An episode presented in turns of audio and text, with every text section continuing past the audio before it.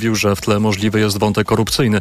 Działania ministra Ziobry komentował w TOK FM poseł Marcin Kierwiński. Oni naprawdę zdają sobie sprawę, z jak wielką aferą mamy do czynienia. No przecież Ziobro nie kompromitowałby się tak, że nagle po ośmiu latach wznawia jakieś postępowanie. On wie, że to jest ostatnia deska ratunku, żeby odwrócić uwagę od tego, w jaki sposób rząd PiSu stworzył korupcjogenny system, na którym zarabiały osoby związane z PiSem. Afera wizowa wybuchła na przełomie sierpnia i września, kiedy zdymisjonowany został wiceminister spraw zagranicznych Piotr Wawrzyk i codziennie za sprawą kontroli poselskich, polityków opozycji i ustaleń mediów pojawiają się nowe wątki w sprawie nielegalnego procederu związanego z wydawaniem polskich wiz. Słuchasz informacji TOK FM. Polityka mieszkaniowa i propozycje poszczególnych ugrupowań politycznych znajdą się wśród tematów przedwyborczej debaty TOK FM poświęconej problemom młodych Polek i Polaków. Zdaniem politologów najmłodsi wyborcy dostrzegają wciąż rosnące i niestabilne ceny zarówno w sklepach, sklepach, jak i w innych sektorach i dlatego czekają na konkrety, a nie obudowane w piękne słowa obietnice. Te kwestie, choćby, choć mieszkalnictwa, one oczywiście pojawiają się w programie bloku lewicowego, ale one myślę, że nie wiążą się jeszcze z takim konkretem, który mógłby, który mógłby pociągnąć za sobą mm, istotną część elektoratu. Mówił doktor, a, doktor Andrzej Ranke z uczelni WSB Merito. Do wysłuchania debaty zapraszamy już za chwilę na antenie TOK FM po informacjach, a teraz jeszcze czas na informacje sportowe. Informacje sportowe. Przemysław Pozowski, zapraszam od meczów Milano z Newcastle i Young Boys Berno Serbe. Zaczęła się pierwsza kolejka piłkarskiej Ligi Mistrzów. Na razie po dokładnie godzinie gry mamy następujące wyniki. W Mediolanie Milan Newcastle 0 do 0, a w Bernie Young Boys kontra RB Lipskie 1 do 1. Dziś jeszcze o 21. Między innymi mecz kapitana naszej kadry Roberta Lewandowskiego, którego Barcelona zagra z Antwerpią. Polskie siatkarki pokonały 3 do 0 Kolumbię. Odniosły tym samym trzecie zwycięstwo w rozgrywanym w Łodzi turnieju kwalifikacyjnym do Igrzysk Olimpijskich w Paryżu. Paryżu. Do upragnionego awansu droga jednak jeszcze daleka, bo Polki czekają jeszcze mecze z Włoszkami czy Amerykankami. Wcześniej jednak już jutro mecz z Tajlandią. Rozpoczęła się ostatnia część tenisowego sezonu, której zwieńczeniem będą finałowe turnieje z udziałem ośmiu najlepszych tenisistek i tenisistów roku. Oczywiście w zawodach w meksykańskim Cancun wystąpi Iga Świątek, ale najpierw wiceliderka światowego rankingu leci na turnieje do Azji. O czym teraz Michał Waszkiewicz. Iga Świątek po US Open zrobiła sobie nieco dłuższą przerwę. Miała pierwotnie grać w Guadalajara, ale podróż do Meksyku, potem do Azji, potem znów do Meksyku uznała za zbyt duży wysiłek. Dlatego dziś po kilku dniach i treningach w Warszawie nasza najlepsza tenisistka leci do Tokio. Przede wszystkim nigdy tam nie grałam, nie licząc igrzysk, ale igrzyska też były bez kibiców, trochę inna atmosfera. Właśnie będę miała jetlaga do przejścia, tego jetlaga, którego dawno nie miałam i myślę, że to będzie wymagające. Po turnieju w Tokio Świątek zagra jeszcze w Pekinie. Jak sama przyznała, końcówka sezonu powinna być już spokojniejsza. Mam wrażenie, że to już najcięższa część sezonu, jeśli chodzi o presję oczekiwania i o intensywność wszystkiego już minęła. Turniej w Tokio rozpocznie się w poniedziałek. W tym tygodniu tenisistki grają w Guadalajarze, gdzie Magdalena Fręch awansowała do drugiej rundy oraz w Kantonie, gdzie pierwszy mecz wygrała Magdalinet. Michał Waszkiewicz, TOK FM. I na koniec jeszcze sukces naszych kajakarzy górskich. W składzie Mateusz Polaczyk, Michał Pasiut i Dariusz Popiera zdobyli oni brązowy medal Mistrzostw Świata, które rozpoczęły się dziś na olimpijskim torze w Lee Valley pod Londynem. Zwyciężyli Czesi przed Francuzami. Pogoda. W nocy raczej pogodnie, początkowo jedynie na wschodzie, a nad ranem nad morzem będzie deszczowo. Na termometrach od 10 stopni na północnym wschodzie, przez 12 w centrum i do 16 stopni na zachodzie.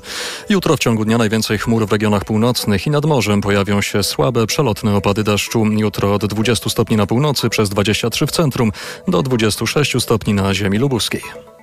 Radio TOK FM. Pierwsze radio informacyjne. Debata TOK FM. To kolejna debata TOK FM, ale to pierwsza debata TOK FM, którą e, prowadzę ja. Nazywam się Wiktoria Droszkowiak.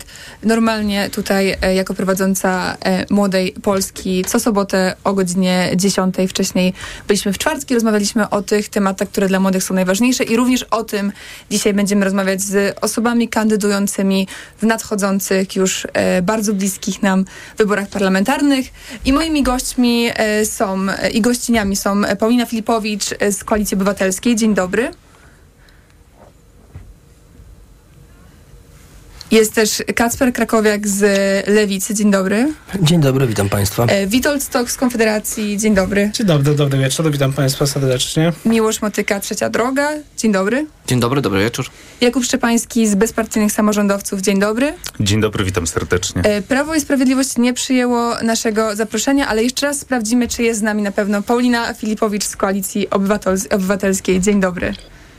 Dobry wieczór, jestem. Fantastycznie, słyszymy się. Bardzo, bardzo się z tego powodu cieszę. E, to może pierwsze pytanie, takie na e, naszą rozgrzewkę e, e, od każdego z Was, ale bardzo bym prosiła jednym zdaniem faktycznie o stanowisko w sprawie aborcji. To jest temat, który na pewno po protestach w 2020 roku jest dla młodych bardzo ważny. E, I e, jakie są Wasze stanowiska, jakie są stanowiska Waszych komitetów wyborczych? Może zacznijmy tutaj od Pana z trzeciej drogi. Przywrócenie kompromisu aborcyjnego to jest pierwszy krok na mocy ustawy, a docelowo rozpisanie e, w tej sprawie referendum ogólnonarodowego. Jeśli przez 30 lat my dalej nie jesteśmy w stanie e, na sztywno jednego stanowiska wpisać do konstytucji, to po referendum takie stanowisko powinno być wpisane na sztywno. Lewica tak zwany kompromis aborcyjny wraca, czy nie? W żadne kompromisy i w żadne referenda nie chcemy się bawić. Legal, aborcja powinna być legalna, bezpieczna, wolna i dostępna w całej Polsce. Koalicja Obywatelska, jedyna kobieta dzisiaj na naszej debacie, poza mną osobą prowadzącą.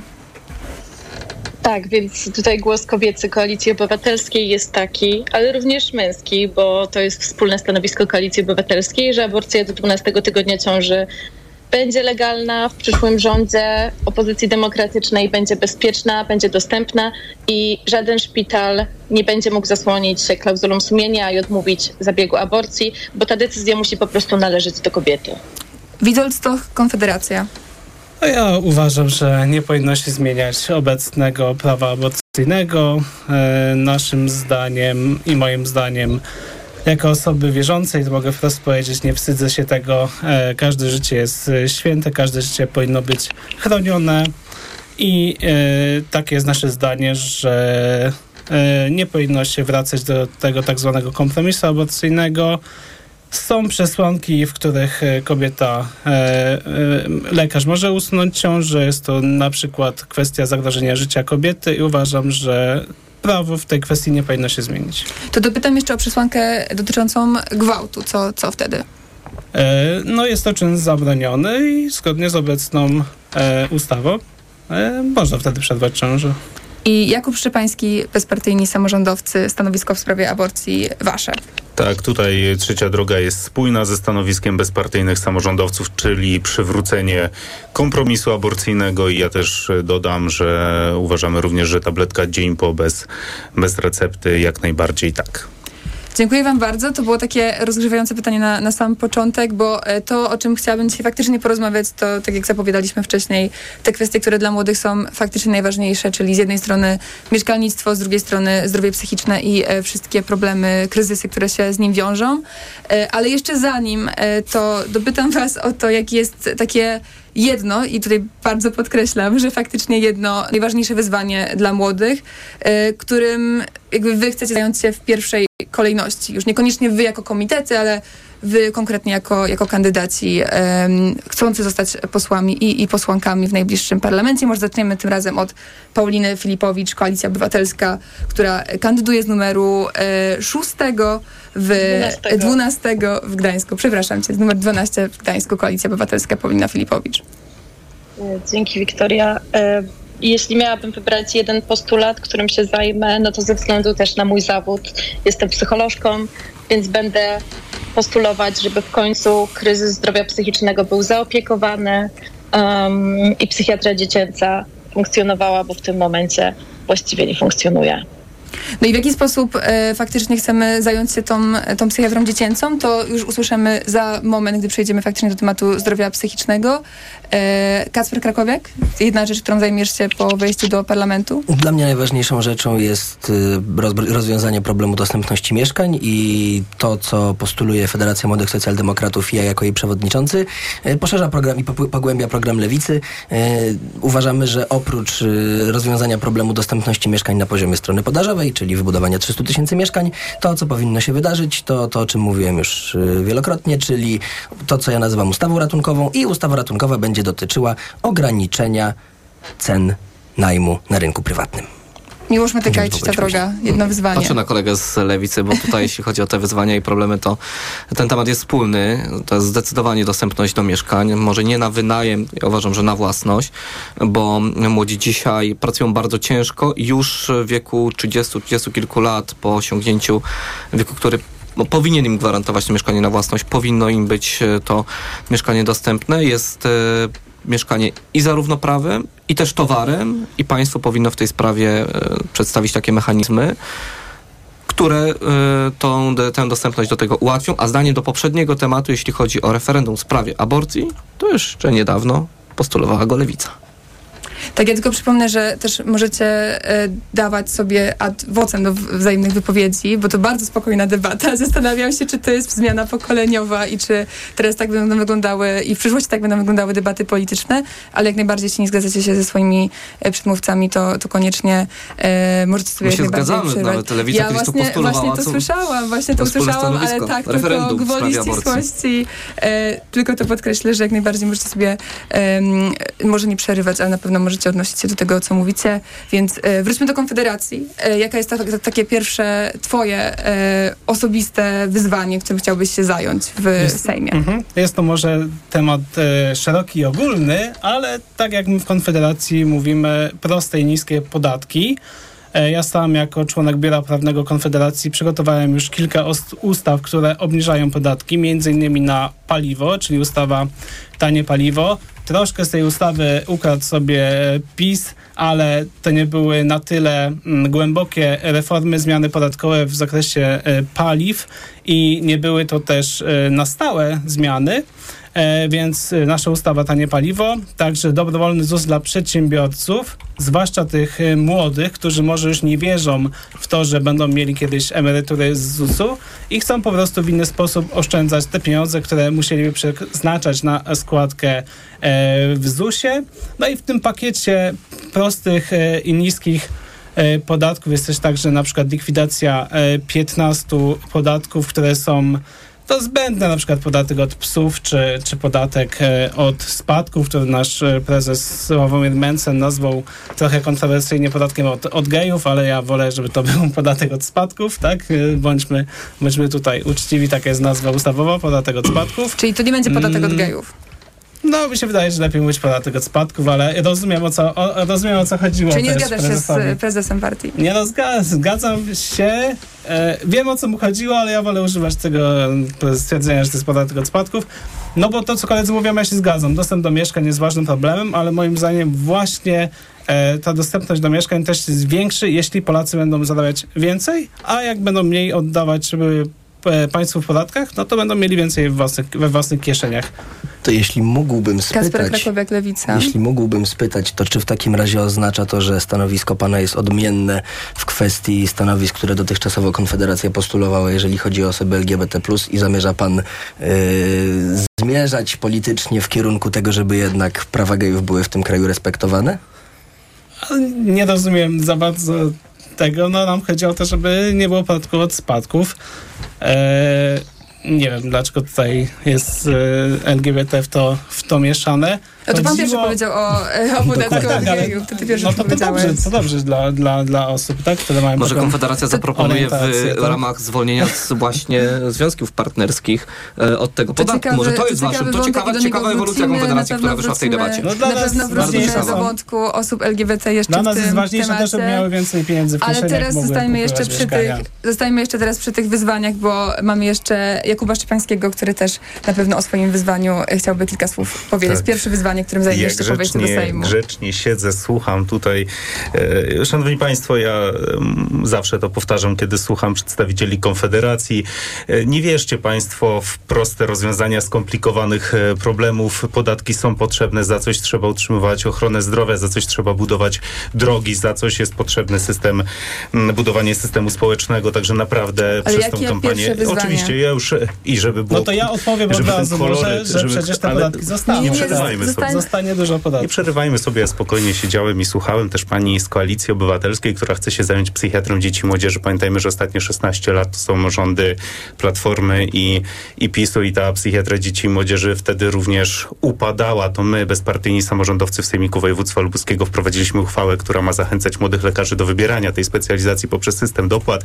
Chciałem powiedzieć, że to jest jeden z moich głównych priorytetów, także mam nadzieję, że mm, uda nam się z panią z Koalicji Obywatelskiej w przyszłym parlamencie momencie nad tym wspólnie popracować, bo oczywiście trzeba budować tutaj porozumienie co do tego tematu, ale moim takim priorytetem również jest samorządowa opieka zdrowotna, tak żeby to samorządowcy na swoim terenie mogli się zajmować szpitalami. Oni znają problemy szpitali, oni znają problemy regionów i najlepiej będą dysponowali tymi środkami dla szpitali, więc to będzie taki mój Czyli mamy już pierwsze, e, pierwsze przestrzenie do współpracy e, pomiędzy, e, pomiędzy wami, pomiędzy kandydatami i kandydatkami.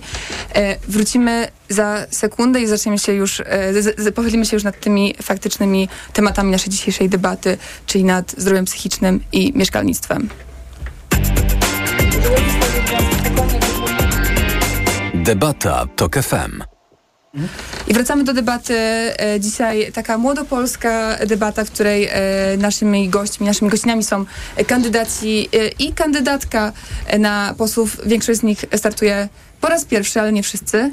E, Mamy e, też w studiu e, Miłosza Motykę z Trzeciej Drogi oraz Witolda Stocha z Konfederacji, którzy startują po raz drugi. Czy wcześniej też się zdarzyło? To stajemy po raz drugi. Po raz drugi, fantastycznie.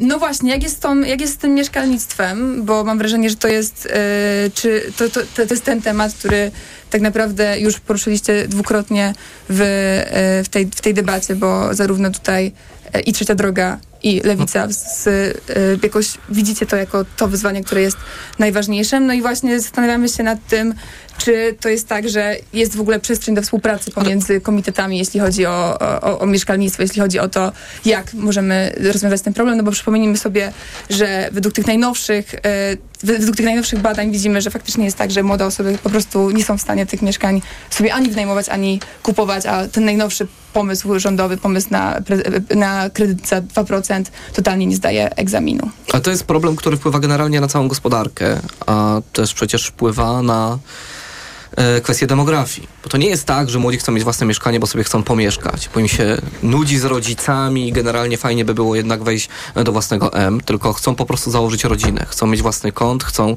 e, albo prowadzić działalność gospodarczą, albo e, pracować na etacie, e, chcą e, po prostu pracować na własny rachunek i chcą mieć własne mieszkanie, co determinuje później założenie rodziny, co determinuje później właśnie kwestie demograficzne, a niestety właśnie e, problem z dostępnością do własnego mieszkania powoduje, między innymi, bo nie jest to problem jedyny, e, problem demograficzny wynika właśnie między innymi z braku No tak, ale wróćmy do tych rozwiązań. No nie? W sensie źródła są różne, ale jakie są rozwiązania Jeśli chodzi o rozwiązania, no to przecież przez ostatnie lata mieliśmy e, próbę przynajmniej jakąś tam bardzo nieudolną, ale jednak tworzenia, e, wpływania poprzez mechanizmy rządowe na rynek, na, na budowę mieszkań to się kompletnie nie sprawdziło. Oczywiście, poza tym, że rząd PiSu jest rządem totalnie nieudolnym nie potrafi e, w tej sprawie przygotować jednego realnego e, programu, no to bez jednak również współpracy z samorządami w pierwszej kolejności, które powinny mieć e, udostępnione e, ziemie i grunty z Krajowego Zasobu Nieruchomości i z e, podmiotami prywatnymi, które wtedy mogłyby e, na tych gruntach przy współpracy z samorządem bez żadnej patodeweloperki budować mieszkania, e, tego programu nie uda się załatwić. Kolejna rzecz Ale to poza jest tą współpracą między samorządami a rządem centralnym, jakby miała wyglądać taka współpraca międzypartyjna, no bo to mam wrażenie, jeśli widzicie jako, to jako wspólny problem, jako wspólne może rozwiązanie też powinniśmy Wydaje mi się, że jeśli chodzi o współpracę międzypartyjną, to, to jest naprawdę absolutnie najmniejszy problem. Wszyscy widzą, jakie wyzwania przed e, demografią i później rynkiem e, w zakresie mieszkań, e, jak, jakie wyzwania są, no i wszyscy są świadomi tych problemów. Kacper Krakowiak z Lewicy kiwał głową. Znaczy, ja chciałem na wstępie bardzo wyrazić radość z tytułu tego, że, że, że, że kolega z trzeciej drogi deklaruje współpracę w tym zakresie, a w związku z tym, jak rozumiem, w związku z tym, że nie podał konkretnego rozwiązania, jak zwalczyć problem kryzysu na rynku mieszkaniowym, no to Lewica z wielką przyjemnością do tego rządu wejdzie i innym partiom, y, które będą współtworzyły tę koalicję rządzącą, program zaprezentuje. Chętnie podam, ale po prostu oddałem Ci głos, żebyś mógł więcej powiedzieć. Fantastycznie, to bardzo dziękuję. Właśnie tak Proszę. będzie Czyli wyglądała propozycja Lewicy na rozwiązanie kryzysu mieszkaniowego. Tak jest, tak jest. Dopłata do wkładu własnego i nisko oprocentowany kredyt. To pierwszy krok. A, proszę. Jasne. E, To trzecia droga była. Tak, tak jak mówił kolega, ten problem dotyczy e, ogólnego kształtu gospodarki, ale też tego, jak my w ogóle postrzegamy rolę państwa i myślę, że Krajowy Program Mieszkaniowy, który w ciągu pierwszych czterech lat wybuduje 300 tysięcy mieszkań na wynajem, e, będziemy przeznaczać, przeznaczać na to 20 miliardów co roku, e, pozwoli na to, żeby odbudować na nowo stworzyć zaufanie do państwa i zaufanie do tego, że państwo jako instytucja może działać skutecznie i może inwestować w sposób, który będzie opłacalny dla wszystkich Polek i Polaków. My uważamy, że mieszkanie jest prawem, a nie towarem, ale żyjemy w takim systemie gospodarczym, w jakim żyjemy, w związku z czym myślę, że najlepszą drogą do tego, żeby rozwiązać problem na rynku mieszkaniowym, będzie danie alternatywy. Nam nie chodzi o to, żeby zabraniać czy nie pozwalać ludziom y, wziąć kredytu na mieszkanie i zakupić mieszkania własnościowego, bo to w ogóle nie o to chodzi. To chodzi o to, żeby dać alternatywę i pozwolić ludziom wybrać, czy wolą wziąć kredyt na 25-30 lat i zadłużyć się na, na wiele lat swojego życia, czy być może lepiej będzie dla nich wydawać zdecydowanie mniej na wynajem i mieszkać w tych mieszkaniach wy, wystarczająco długo, żeby móc zdecydować się na to, żeby założyć rodzinę. Jeżeli chodzi o y, tą drugą kwestię, czyli rozwiązanie problemu na tu i teraz, czyli y, ustawę ratunkową, o której wspominałem wcześniej, to to jest doprecyzowanie, pogłębienie i rozwiązanie części problemów, z którymi mierzymy się już dziś. Po, od, od wybuchu pandemii, a później od wybuchu wojny w, w Ukrainie i inwazji Rosji na Ukrainę, ceny mieszkań drastycznie poszły w górę. W tym momencie w Warszawie przeciętne mieszkanie płaci się ponad 4200 zł. W takiej sytuacji, jeżeli chcemy wynajmować mieszkanie i nie stać nas na to, żeby wziąć kredyt, albo nie chcemy się decydować na to, żeby zobowiązywać się finansowo na tak duże, na tak duże kwoty na tak wiele lat, yy, nie da się założyć rodziny, no bo po prostu nas na to najwyraźniej, najzwyczajniej w świecie nie stać. I dlatego, moim zdaniem i to, co ja postuluję, to jest y, wprowadzenie ustawy ratunkowej, która na, na, na pierwsze dwa lata y, od, y, od, od, od przejęcia przez opozycję władzy zamrozi czynsze. No i to zamrożenie będzie, będzie, będzie związane z kwotą odtworzenia. To jest kwota, która pozwala, którą województwo oceniają, jak, jak, jak wysoko, jak drogie jest wybudowanie ponownie mieszkania lub utrzymanie go w, w tym samym stanie, w którym obecnie obecnie ono się znajduje i związanie cen czynszów na, na, na, na, na, na wolnym rynku z tą właśnie kwotą odtworzenia pozwoli na radykalną i dynamiczną obniżkę czynszów. Postul postulowane rozwiązanie ma oczywiście charakter temporalny, po to, żeby doprowadzić do sytuacji, w której Krajowy Program Mieszkaniowy będzie mógł rzeczywiście rozwiązywać problemy, no bo jak wiadomo, mieszkań nie buduje się w kilka miesięcy. I Koalicja Obywatelska, która również e, zarówno dla wynajem, jak i na kupno swojego pierwszego mieszkania ma pomysł, no właśnie, jak to jest u Was, bo e, cztery propozycje dla młodych ze stu konkretów e, Koalicji Obywatelskiej e, są i z tych czterech konkretów dwie, dwie aż dotyczą właśnie mieszkalnictwa. Jak to jest w Koalicji Obywatelskiej Paulina Filipowicz? Tak, rzeczywiście temat bardzo ważny. Ja bardzo się cieszę, że on został poruszony w tych 100 konkretach, bo też przypomnę, że te 100 konkretów to są postulaty na pierwsze 100 dni rządów, więc chcemy wprowadzić je po prostu od razu. E, jeśli chodzi o mieszkania dla młodych, 600 zł dopłaty na wynajem mieszkania właśnie dla młodych. Jeśli chodzi o kwestię e, zakupu mieszkania, o czym Wiktoria powiedziałaś, to oprocentowanie 0% na zakup pierwszego mieszkania. Ale tu są też ważne inne kwestie. To, aby w Polsce powstało więcej mieszkań, to tak naprawdę musimy uwolnić te grunty spółek Skarbu Państwa i Krajowego Zasobu Nieruchomości no a zwłaszcza te, które trafiły do KZN na potrzeby programu Mieszkanie Plus. Y, wszyscy wiemy, tutaj nie musimy chyba sobie tego tłumaczyć, jaką katastrofą okazał się ten e, program.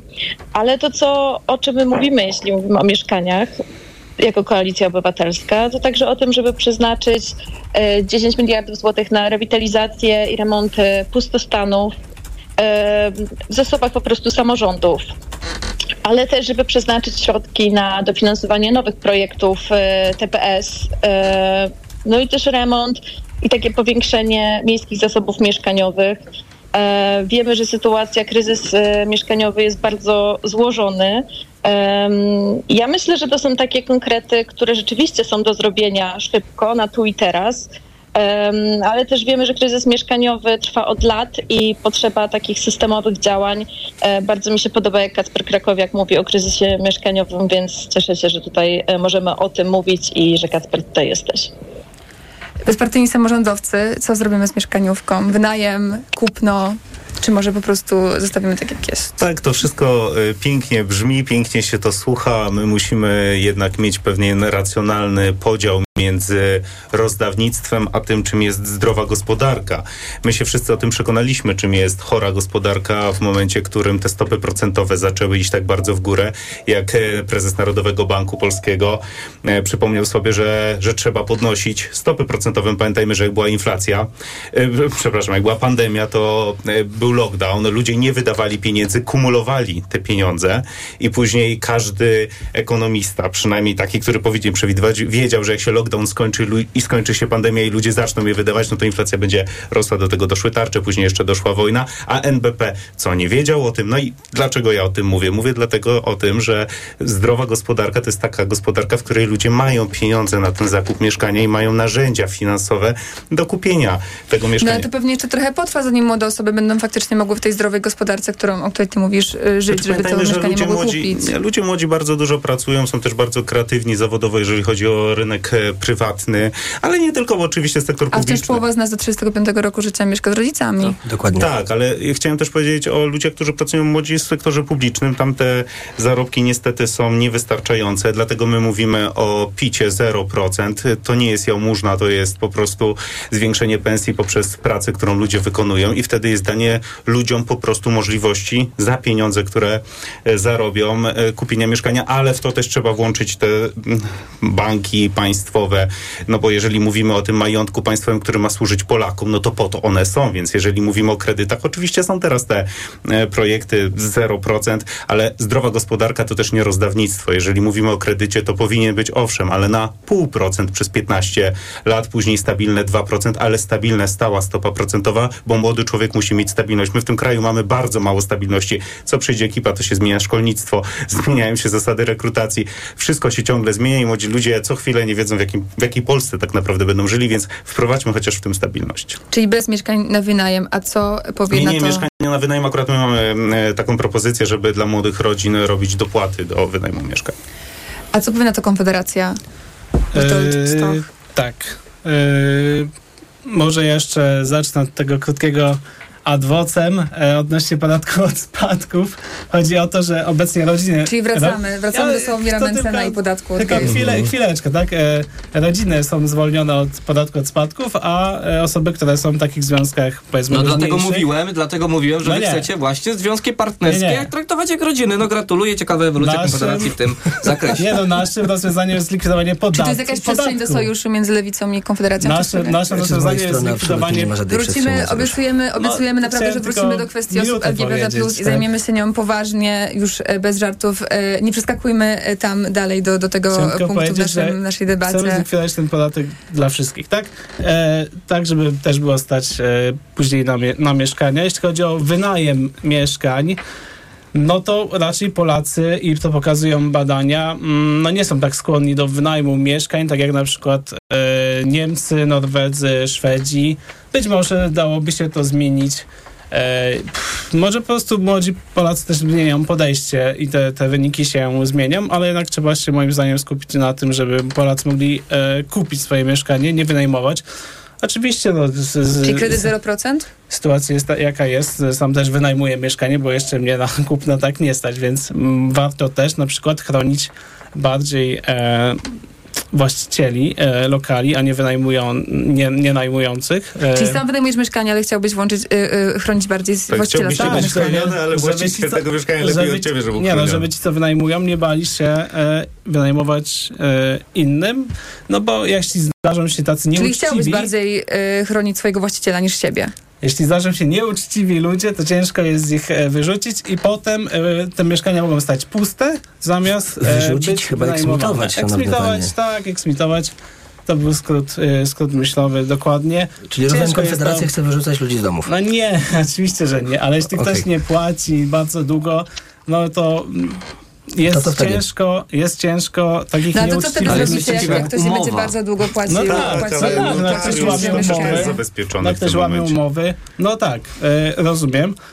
Dlatego mówię Ale mamy umowę o bardziej odnajmu o... okazjonalnego, które chociażby. zdecydowanie chronią właścicieli bardziej niż lokatorów. Okej, To zgadzam się, ale też y, no, kwestia y, jest tego, żeby szybciej na przykład dochodzić to w sądach. No, to jest kwestia reformy sądownictwa. Oczywiście jest to temat niż, niż mieszkalnictwo. My mamy program dotyczący mieszkań, też opisany w naszym programie Konstytucja Wolności. Nazywa się Mieszkanie tańsze o 30% i tu mamy dokładnie wypisane, jak można obniżyć ceny e, A mieszkań. te 30% to jest czynsz, czy to jest e, już całościowa Nie, to kwota jest już, to jest już budowa. mieszkania? To jest albo, albo zakupu mieszkania, albo koszt budowy domu, albo zakupu mieszkania.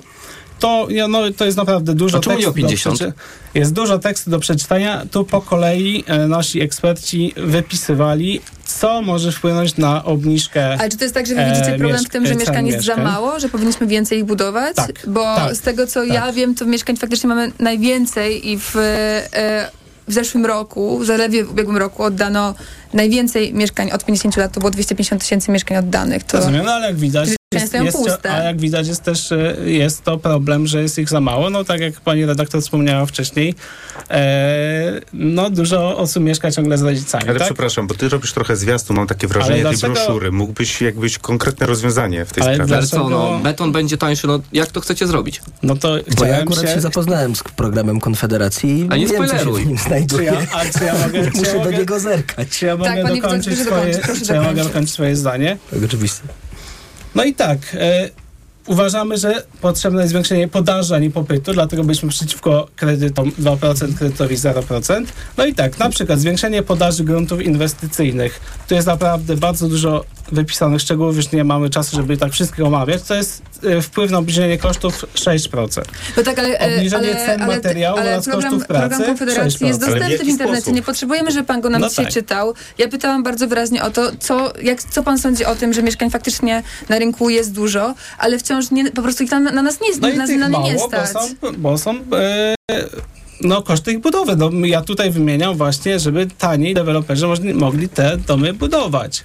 Ale po co nam więcej mieszkań, jeśli oddajemy ich najwięcej w historii? No ale jeżeli ludziom jest i tak tych mieszkań za mało, no No to dlatego, to że znaczy, mają po że, 3, 4, po 5 mieszkań, prawda? zna- znaczy, że no to znaczy, że ludzi nie stać, żeby je kupić. Tak? No to No tak, my obniżymy nie- ceny mieszkań. Czyli jak I- będzie więcej mieszkań, to będą niższe ceny mieszkań, dzięki temu No ludzie tak mogli, działa mogli kupić. ekonomia. Jak jest y, większa, jak jest więcej czegoś, to jest to No to tańsze. dlaczego tak? jeśli mamy rekordową kapitału? budowę, dlaczego jeśli mamy rekordową budowę oddawania, e, rekordowe oddawanie mieszkań w zeszłym działa. roku, dlaczego te mieszkania wciąż są takie drogie, najdroższe w historii? E, między innymi przez kredyt 2%. Przez y, pisowski kredyt 2%. Ale to jest sprawa od kilku miesięcy. a Badania w lipcu, w lipcu już y, były badania, które pokazały, że ceny mieszkań wzrosły po wprowadzeniu kredytu 2% do tego, y, ma- do tej maksymalnej stawki, do której państwo jeszcze płaci. Jest artykuł dostępny w internecie. Czyli jakby były można zobaczyć, droższe że- kredyty, a nie państwo nie dopłacało, to ceny by były niższe według ciebie? No, ciąg logiczny. No bo dopłaca. Miłosz Mhm. Motyka, Ce- Ceny są, kredyty są tańsze. sprzedający, Więc mamy wysokie ceny mieszkań, więc Tak. odwrotnie, dlaczego Sprze- też były wysokie? Sprzedający podnosili te ceny, bo wiedzieli, że będzie większe zapotrzebowanie, bo ludzie dostaną kredyt od państwa. Czyli jeśli będziemy je budować, będziemy budować więcej mieszkań, to sprzedający będą zmniejszać te ceny? No będzie można by budować po prostu mieszkanie taniej. No i wtedy sprzedający pokazuje? sami w taki altruistyczny sposób będą sprzedawać je, w, e, je, je taniej niż, będzie niż je można obecnie. taniej kupić. Jeśli będzie więcej mieszkań, będzie więcej e, na przykład firm deweloperskich, to będzie działała konkurencja i oni będą te ceny mieszkań obniżać. No tak, ale w Polsce obecnie pojawiają się coraz większe fundusze Kasper inwestycyjne Krakowiak. i w końcu niestety spotkała nas taka, zaczyna nas spotykać ta katastrofa, że coraz potężniejsi gracze wchodzą na polski rynek i skupują mieszkania właśnie pod inwestycje, więc jeżeli będziemy mieli więcej firm deweloperskich, to rozumiem, że właśnie o tych pan mówi. Znaczy rozumiem, że chce pan y, ograniczyć możliwość kupowania mieszkań i na przykład każdy powinien mieć jedno mieszkanie i nie będzie mógł zarabiać na wynajmie, tak? Nie, no tego absolutnie nie postuluję, chociaż podatek katastralny od y, czwartego mieszkania jest bliski mojemu sercu. Rozumiem. To było stanowisko Tego nie ma w programie Konfederacji, nie ma podatku katastralnego jakby. E, A jak rozumiem, jest to w e, programie Lewicy. E, To było stanowisko Konfederacji. Zastanawiam się, bo wyszło nam tutaj w rozmowie, wyszło nam w rozmowie to, że tych mieszkań faktycznie na rynku jest już dużo. Więc czy w ogóle macie jakąś taką refleksję nad tym, komu te mieszkania faktycznie są potrzebne i czy w ogóle jest, jakby jesteśmy w stanie sprawdzić, ile tych faktycznie, ile ty, faktycznie w Polsce mieszkań brakuje. Może zaczniemy od Pauliny Filipowicz, Koalicja Obywatelska, która wydzwania się do nas z Gdańska. Tak, e, zwaniam się z Gdańska i my tutaj e, na Pomorzu na pewno mamy sprawnie działającą grupę z Koalicji Obywatelskiej, między innymi pani e, poseł Agnieszka Pomaska, która właśnie tutaj to, co się dzieje z programem Mieszkanie Plus, ujawnia wszystkie brudy PiSu na Pomorzu. Czy jesteśmy w stanie sprawdzić, e, komu na pewno są potrzebne mieszkania? Na pewno są potrzebne młodym, ale również rodzinom z dziećmi. E, w tym momencie e, kobiety wychowujące same dzieci, a takich jest w Polsce coraz więcej, e, potrzebują tej specjalnej takiej ochrony, opieki, bo z jednej strony oczywiście mówimy o prawach kobiet i ostatnio w debacie publicznej głównie wybrzmiewa temat aborcji, ale zapominamy też o, o innych kwestiach, o tych kwestiach, że kobiety, które już są matkami, często po prostu są zostawione same sobie um, i muszą sobie radzić w tym trudnym, w tej trudnej rzeczywistości, którą, którą obecny rząd e, im oferuje. No tak, ale z drugiej strony powiedziałaś, że wprowadzicie 600 zł dopłaty na wynajem e, mieszkań dla młodych, kiedy średnio tak. wynajem pokoju w całej Polsce e, kosztuje 1300 zł e, w skali miesiąca. Czy to nie jest za mało? No bo to jest, to jest, to jest mniej niż, niż połowa e, właśnie kosztu tego wynajmu tego mieszkania. Mhm. No rzeczywiście jest to prawie połowa, ale nie jest to połowa. Ja myślę, że jak na początek, e, czyli na te pierwsze 100 dni, jest to wystarczająco, by rzeczywiście odciążyć te osoby, które najbardziej tego potrzebują. Sami widzieliśmy E, to krążyło dziś w sieci, e, gdy jeden z, ze studentów Uniwersytetu Jagiellońskiego musiał zrezygnować ze studiów, bo nie dostał również miejsca w akademiku, a nie stać go na wynajem, więc myślę, że to załatwi te kryzysowe sytuacje właśnie młodych ludzi, no, którzy właśnie nie są teraz w stanie e, tak naprawdę nawet podjąć się studiów, gdy są naprawdę w trudnej sytuacji finansowej. Myślę, że analitycy są mimo wszystko zgodni, że tego typu dopłaty zwiększają tylko ceny na rynku, ceny wynajmu na rynku, e, więc odbijam tutaj piłeczkę do Miłosza Motyki z tak. trzeciej drogi. Ale to o tym, co mówił kolega chyba z Konfederacji, e, do tych statystyk dotyczących wynajmu, a posiadania mieszkania na własność. No w Polsce jednak e, te statystyki są dość jednoznaczne. Polacy chcą mieć mieszkania na własność. Nie wiem, na ile uda się tę mentalność e, i te uwarunkowania zmienić, e, ale uważam, że, że na ten moment państwo powinno właśnie dopłacać do wkładu własnego dla młodych dla młodych. A czy to nie jest kolejna dopłata, która po prostu zwiększa ceny nie, mieszkania? Nie, dla młodych, bo ten program powinien być ograniczony właśnie wiekiem na pierwsze mieszkanie i e, na mieszkanie, tak jak w stronę, którą trochę szedł program PiSu, ale jednak bez dopłaty do wkładu własnego on nie gwarantuje większej liczbie młodych, tych, których po prostu na to nie stać, e, własnego M. Natomiast też taka dygresja, młodzi nie lubią ściemy. Też dobrze by było powiedzieć wprost, w 100 dni nie uda się tego załatwić. Nie uda się tak samo w 100 dni zlikwidować neokRS-u i przywrócić Polsce praworządności, bo mamy niestety prezydenta, który e, e, będzie takie ustawy wetował. Nie uda się też znieść limitów do lekarzy specjalistów w ciągu 100 dni. Dlatego my młodym przede wszystkim będziemy mówili prawdę. Będziemy mówili prawdę i to, że to jest proces niestety długotrwały. Ale ten program kredytu na 2% przecież również jest dla osób, które zdecydowanie nigdy wcześniej tak, nie miały mieszkania. Że, że jeśli chodzi o kierunek on jest słuszny. Ale natomiast... wiemy, że on spowodował przecież to, że mieszkania są coraz droższe i tutaj słusznie zauważył to kandydat Konfederacji. Oczywiście, oczywiście. Natomiast e, do tego musi dochodzić jednak e, większa e, podaż mieszkań i tu się zgadzam o tyle, że... Czyli tutaj mamy linię wspólną Konfederacji Trzeciej Drogi. Nie, no, ale tam bardziej o tyle, o tyle że naprawdę są grunty wokół miast i my to bardzo dokładnie zbadaliśmy w Krajowym Zasobie Nieruchomości, które mogą być pod inwestycje przekazywane i są to grunty już uzbrojone. Są to grunty już w bardzo dobrym położeniu komunikacyjnym, bo to jest niestety też częsty problem tego, że buduje się mieszkania, właśnie o czym powiedziała e, koleżanka z Koalicji Obywatelskiej, jak w ramach Mieszkania Plus, bez drogi dojazdowej, bez odpowiedniego uzbrojenia, wobec czego później czynsze w tych mieszkaniach są rekordowo wysokie, więc i tak y, państwo okazuje się na tym zarabia, a młodzi tracą. Jakub Szczepański, bezpartyjni samorządowcy. Co tak. z mieszkaniami? Czy mamy tych mieszkań za dużo, za mało? Musimy budować więcej, dopłaty do kredytów? Jak Nie, to nie, jest? no to, to co mówiliśmy o tym wzroście cen po wejściu kredytu 2% to jest jeden aspekt, ale my pamiętajmy, że te ceny też w pewnym momencie się ustabilizują i, i też się nie oszukajmy i nie róbmy takiej ściemy właśnie, bo mieszkania były, były, są i będą drogie. Na takiej zasadzie, słuchajcie, to, to, to jest nieruchomość. To nie będzie tanie. Żeby mieć mieszkanie, dom, trzeba dużo pracować i trzeba na nie po prostu zarobić. Mamy to doświadczenie też pokolenia naszych rodziców, którzy brali wieloletnie kredyty, żeby spłacić te mieszkania, te domy, rozwijali swoje firmy, rozwijali się zawodowo, żeby tak było. Zadaniem polityków jest utrzymywanie zdrowej gospodarki i to, nie, to jest nierozerwalne. Jeżeli my chcemy mówić o tym, żeby ludzi było stać na zakup mieszkania, to mówmy o tym, że musimy ludzi kompetentnych dawać na odpowiedzialne stanowiska. My nie żyjemy w próżni. To nie jest tak, że to jest jakaś e, magiczna przestrzeń, w której przyjdzie nowa opcja i nagle, o ile? O 30%? Pan mówił, że spadnie cena mieszkania? No to ja Państwa zapewniam, że jak Konfederacja będzie rządziła, to nie spadnie o 30%. Cena mieszkania można mnie z tego rozliczyć później i sprawdzić, czy powiedziałem teraz prawdę. Spadnie No czy nie spadnie?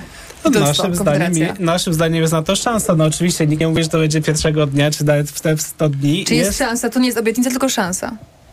Każda obietnica polega na tym, że chce ktoś coś zrealizować i jest na to szansa. Czy ktoś, y, każdy daje 100% gwarancji swoich o, No i mam obietnic? nadzieję, że obietnice są o to, żeby dawać 100% gwarancji tych obietnic. No tak, Czy jednak ale- oszukiwać no, wyborców No nie, no, no, jest to obietnica.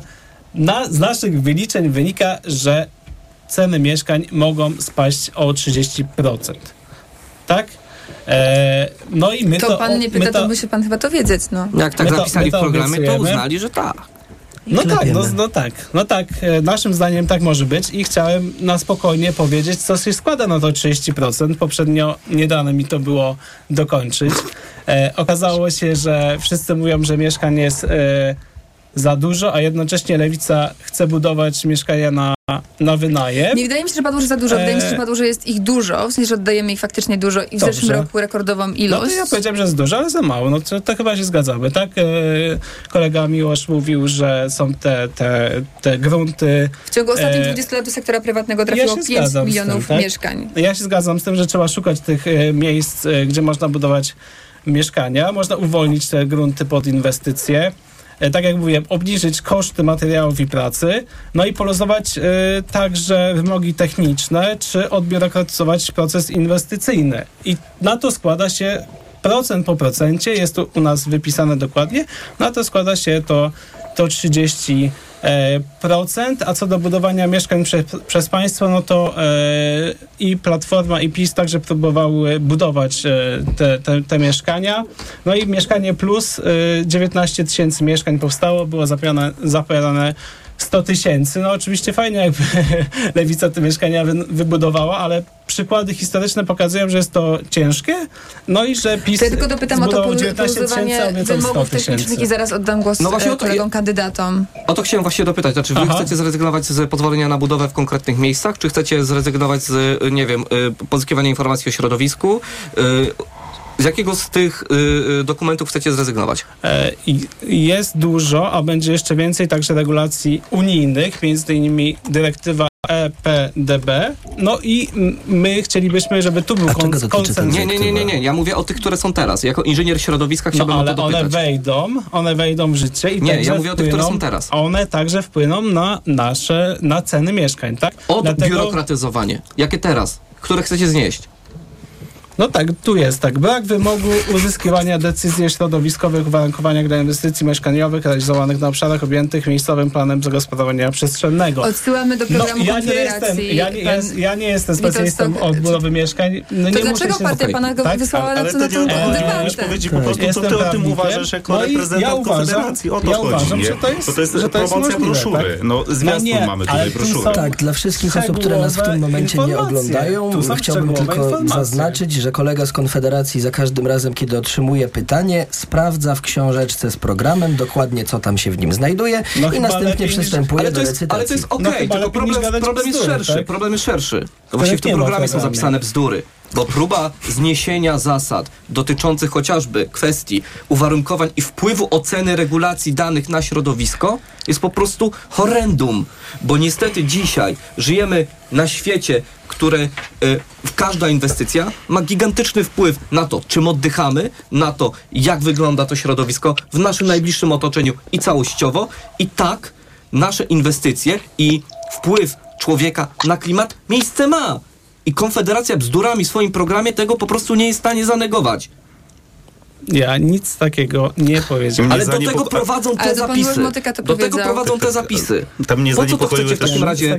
Nie znaczy, uzyskiwanie takich zezwoleń to jest naprawdę, nie chcę powiedzieć co, drobna rzecz, drobnostka, jeśli chodzi o budowę mieszkań. Fundament Nie, nie, nie. Nie, drobnostka, jeśli chodzi o, o, te, o te kwestie. Problem, jeśli chodzi o mieszkania, leży gdzieś w zupełnie innym miejscu. Ale jeszcze wymogi techniczne, pamiętajmy, to też było, nie, nie, bo to było bardzo niepokojące te, te wymogi techniczne też, bo to jest kwestia bezpieczeństwa, to, to też e, by było miło jakby E, doprecyzować, o co chodzi No, jest, no ja mówię, jest dużo unijnych e, regulacji, które też wejdą w życie i miło by było, gdyby wszystkie partie w A Polsce jakie są to unijne żeby... regulacje? No na przykład ta dyrektywa e, środowiskowa EPDB, I czego ona będzie dotyczy? dodatkowy, e, dodatkowy będzie podatek, który będzie... O, o, I ile o, będzie on wynosił? I jak będzie wpływał na cenę mieszkania? Wpływał na cenę, będzie wpływał na cenę mieszkań, po prostu, tak?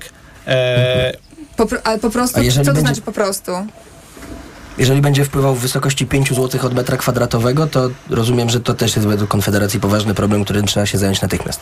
No nie, no około 6, 6% z tych ograniczeń, znaczy z tego, y, z tego spadku ceny mieszkań to jest około to 6%, 6-10%, tak. Nie wchodźmy w te szczegóły. E, Mam wrażenie, że bardzo e, utknęliśmy przy budowie mieszkań, a ja zastanawiam się, czy możemy jeszcze na sekundę wrócić do e, tych mieszkań, które są potrzebne na wynajem. Młode osoby, tak jak mam wrażenie, że wszyscy nasi kandydaci i nasza kandydatka dzisiaj w studiu zauważyli, że faktycznie jest tak, że młodych na te mieszkania nie stać.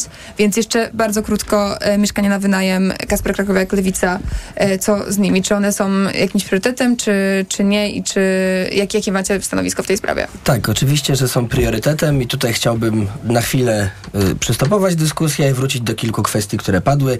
Pierwszą z nich będzie to, co powiedział kolega z bezpartyjnych samorządowców, mówiący o tym, że mieszkania będą drogie. Tak, mieszkania na wynajem są i będą drogie, bo koszt wyprodukowania takiego dobra najzwyczajniej w świecie nie jest niski. Odnosząc się do tego, co mówiła koleżanka Paulina z Koalicji Obywatelskiej, to bardzo cieszę się i chciałbym wyrazić naprawdę ogromną radość z tytułu tego, że Platforma Obywatelska y, zauważyła problem i również zdecydowała się, tak jak i Lewica, włączyć do swojego programu tak zwany fundusz remontowy, który miałby być spożytkowany na rewitalizację i odnowienie mieszkań, które znajdują się w zasobie samorządowym, a które obecnie są pustostanami. Wszyscy kandydaci i kandydatka natomiast mówili o dopłatach różnego rodzaju, czy to o kredytach, czy to yy, o kredytach dla młodych, czy to 600 zł i tak dalej, i tak dalej. A wydaje mi się, że w toku tej dyskusji, która miała dzisiaj miejsce, ustaliliśmy jedną fundamentalną rzecz, mianowicie dopłaty nie działają. Dlaczego dopłaty nie działają? Otóż dopłaty nie działają z, tego, z tej prostej przyczyny, że kiedy wchodzi państwowa dopłata, no to wtedy mm, przedsiębiorcy, deweloperzy, wolny rynek dostosowuje się swoją cenę po prostu do tej dopłaty i jak będzie dopłata 600 zł, no to wolny rynek podniesie ceny dobra o kolejne 600 zł, no bo nie ma najmniejszego problemu w tym, żeby taki, y, te, te darmowe pieniądze Czyli po prostu leżące na ulicy y, kapitalizować. Moim zdaniem nie powinniśmy dopłacać y, ani do kredytów, ani do najmu, tylko powinniśmy zajmować się tym, żeby mieszkania były tanie i żeby była opcja również mieszkania wynajmować. Rozmawialiśmy dużo o y, fiasku programu, programu mieszkaniowego Mieszkanie Plus Prawa i Sprawiedliwości. Ja bym chciał natomiast powiedzieć, że to nie jest tak, że się nie da, ponieważ w Polsce mamy wspaniały, znakomity i rzeczywisty przykład tego, że jeżeli jest wola polityczna do tego, żeby przełamać to, co Platforma i Prawo i Sprawiedliwość w, tym, w tej sprawie uważają, to jest to możliwe. We Włocławku w 2014 roku yy, przewodniczący Rady Miasta ówczesny Krzysztof Kukucki rozpoczął n- rozmowy na ten temat w swojej Radzie Miasta. Z tego tytułu, że podniósł taką propozycję, żeby Włocławek zaczął inwestować w mieszkania yy, na wynajem i żeby zaczął samorządowo je budować, został z tej funkcji posunięty. Dzisiaj jest zastępcą burmistrza i realizuje program między innymi celulozowa. W 2022 roku, szanowni państwo, Lewica wybudowała we Włocławku połowę wszystkich mieszkań komunalnych, które zostały oddane na wynajem w roku 2022. Z czego to wynika? Z bezpartyjnych samorządowców, e, czy wy będziecie dopłacać, czy nie będziecie dopłacać? e, wybranym, gó- bo to, co powiedział tutaj kolega z Lewicy, jak najbardziej ja się zgadzam, że dopłacanie e, będzie windowało ceny, natomiast my jasno też mówimy w naszym programie, że dopłacanie, ale wybranym grupom. To znaczy, e, i tutaj dlatego mówię, że nie ma prostych rozwiązań skomplikowanych już, chcę to powiedzieć, problemów, o czym mówi Konfederacja, to znaczy trzeba wprowadzić progi dochodowe dla młodych rodzin, których naprawdę po tym prog dochodowym e, może być nie stać na wynajęcie takiego mieszkania i takim, i takim rodzinom można wprowadzić e, dopłatę do mieszkania i to wcale wtedy nie wywinduje ceny rynkowej. Ale tutaj kolega z Lewicy, ja myślę, że chciał jeszcze coś dokończyć, bo to zostało mu tak przerwane, to było dość ciekawe. E, To ja chciałem tylko powiedzieć jedną rzecz, mianowicie i w ogóle dzięki za to, bo to Nie, no normalnie rozmawiamy, no przecież E, Dokładnie. e, Wind of Change, nowa, nowy, znaczy wiatr zmiany idzie, Wiatr nowi młodzi zmiany, ludzie, dokładnie, nowa więc lewica. e, nie, nie tylko lewica, ale To ja tylko jedno zdanie powiem i skorzystam z tej możliwości też, żeby prawda, pozwolić wszystkim innym dyskutantom i dyskutantce zabrać kolejne głosy, że e, cena za metr kwadratowy wynajmu mieszkania we Włocławku, tego, który został wyprodukowany na, przy ulicy Celulozowej w ramach projektu finansowanego przez BGK, e, wynosi 11 zł i 95 zł czynszu. I moim zdaniem, gdybyśmy doprowadzili do sytuacji, w której mieszkania od czynszu w tej kwocie byłyby dostępne w całej Polsce, to wtedy problem z kredytami, z mie- mieszkaniem na własność i tak dalej byłby dużo mniej istotny, a wszystkie te rzeczy, o których mówił kolega Miłosz, z którymi ja się w sumie zgadzam, no bo to jest jakiś społeczny problem, prawda, że mamy taką kulturę, że mieszkania chcemy mieć na własność, gdyby pojawiła się prawdziwa alternatywa, a jako lewica już pokazaliśmy we Włocławku, że się ta, to być może udałoby się to w Polsce zmienić. Więc skoro, skoro e, zgodziłem się tą, e, tą swoją chwilę jeszcze oddać koledze z. Lewicy, chciałem tylko, chciałem tylko dodać, że pamiętajmy też o takim pomyśle jak pa partnerstwo publiczno-prywatne i zasób mieszkaniowy może być świetnym sposobem na zarabianie w pewnej e, zdroworozsądkowej koncepcji, takiej, w której gminy mają e, grunty, a deweloperzy chcą budować. To też jest pewna koncepcja e, wprowadzenia na rynek tańszych mieszkań. Ta uprzejma wymiana zdań między Jakubem Szczepańskim z bezpartyjnych samorządowców, a e, Kasprem Chrowiakiem z Lewicy. Miłosz Motyka, trzecia droga. Będziecie dopłacać, czy nie będziecie dopłacać? Do kredytów tak, na pierwsze mieszkanie dla młodych, e, e, ale nie do czynszu, tego w programie nie mamy. Natomiast uważamy, że można to zrobić inaczej. Można to zrobić chociażby obniżając ceny, koszty czynszu e, przez przede wszystkim bardzo wysokie ostatnio koszty energii. To jest potężny problem. Widzę, że kolega z Konfederacji chyba też kiwa głową. A wiesz, jak to można zrobić? Wiesz, Dobra, termomodernizacja. mamy no, A wiesz, co to jest termomodernizacja? Dobre regulacje. Wiesz, co to jest? Dyrektywa EPBDA, którą skrytykowałeś, która nie wprowadza żadnych nowych podatków, a wracamy jednolite standardy. Jesteśmy wracamy ostatnim państwem w Europie, który tego nie wprowadził. I to jest właśnie kwestia. Czy będziecie dopłacać, kwestia czy nie? termomodernizacji, obniżenia wydatków energetycznych polskich rodzin na to, żeby nas było stać i było więcej w portfelu na czynsze, na wynajem albo na zakup mieszkania. Witolstok, Czy Konfederacja. do tego trzeba ludzi zmuszać przez dyrektywy unijne? Naszym zdaniem nie. E, nasz jeszcze pomysł, oczywiście dopłat e, nie powinno być, tak jak mówiłem, głosowaliśmy przeciwko e, programowi kredyt 2%, e, ale uważam, że powinna być pewnego rodzaju ulga e, kredytowa w podatku, od, podatku dochodowym, w podatku PIT. E, na jedno mieszkanie tą kwotę kredytu można by odpisać od podatku też byłoby to jakieś, e, e, byłoby to dobre rozwiązanie, żeby ulżyć właśnie tym osobom, które, które chcą, e, chcą mieć mieszkanie, no i wzięły ten kredyt i żeby pomóc im w tym, żeby ten kredyt spłacić, żeby mogli sobie z tym poradzić, mogli się, się rozwijać i, i, i zakładać, zakładać rodzinę. I Koalicja Obywatelska, Paulina Filipowicz, e, jak z tym dopłacaniem? Powiedzieliśmy już o e, 600 zł dopłaty do wynajmu. Czy, czy jest tam jeszcze jakiś pomysł, który być może zostanie wprowadzony po tych pierwszych 100 dniach e, rządów? Mhm. No na ten moment mówimy o wprowadzeniu tych 600 zł e, dopłaty na wynajem mieszkania dla młodych. To jest też właśnie jeden z tych postulatów e, dla młodych, bo głównie na tym e, skupia się ten 100 konkretów, a myślę, że więcej będzie można powiedzieć w następnych tygodniach. W międzyczasie e, w trakcie tej e, częściowo miłej, a częściowo bardzo burzliwej dyskusji e, wymieniamy przez, odmieniamy przez przypadki praktycznie wszystkie kryzysy, które, które dotyczą młodych Polek i Polaków i już za moment wrócimy z tematem zdrowia psychicznego i tym, jakie partie i jak kandydaci i kandydatka widzą rozwiązywanie tego kryzysu właśnie, kryzysu zdrowia psychicznego, szczególnie z uwagą, największą uwagą na młodych wyborców i młode wyborczynie. Debata TOK FM. I bardzo Zdrowie... współczuję tego programu.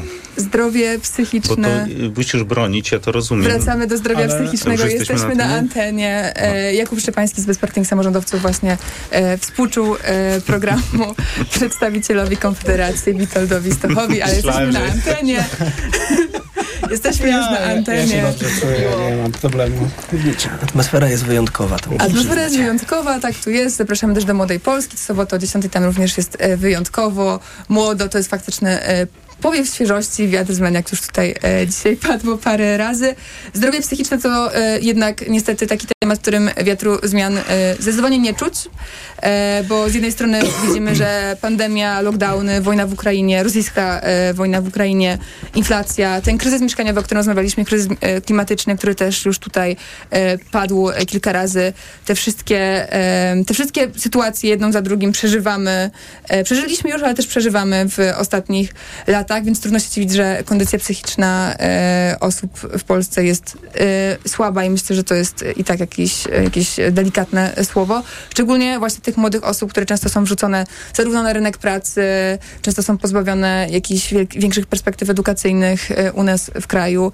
No i w ogóle jest, jest trudno zdecydowanie, e, ale też wiemy o tym, że to właśnie dla aż 89% e, badanych Polek i Polaków temat zdrowia psychicznego jest istotnym tematem, również tematem wyborczym i 60% z nas uważa, że jest za rzadko poruszany w kampanii wyborczej, dlatego my nad tym tematem się dzisiaj pochylimy.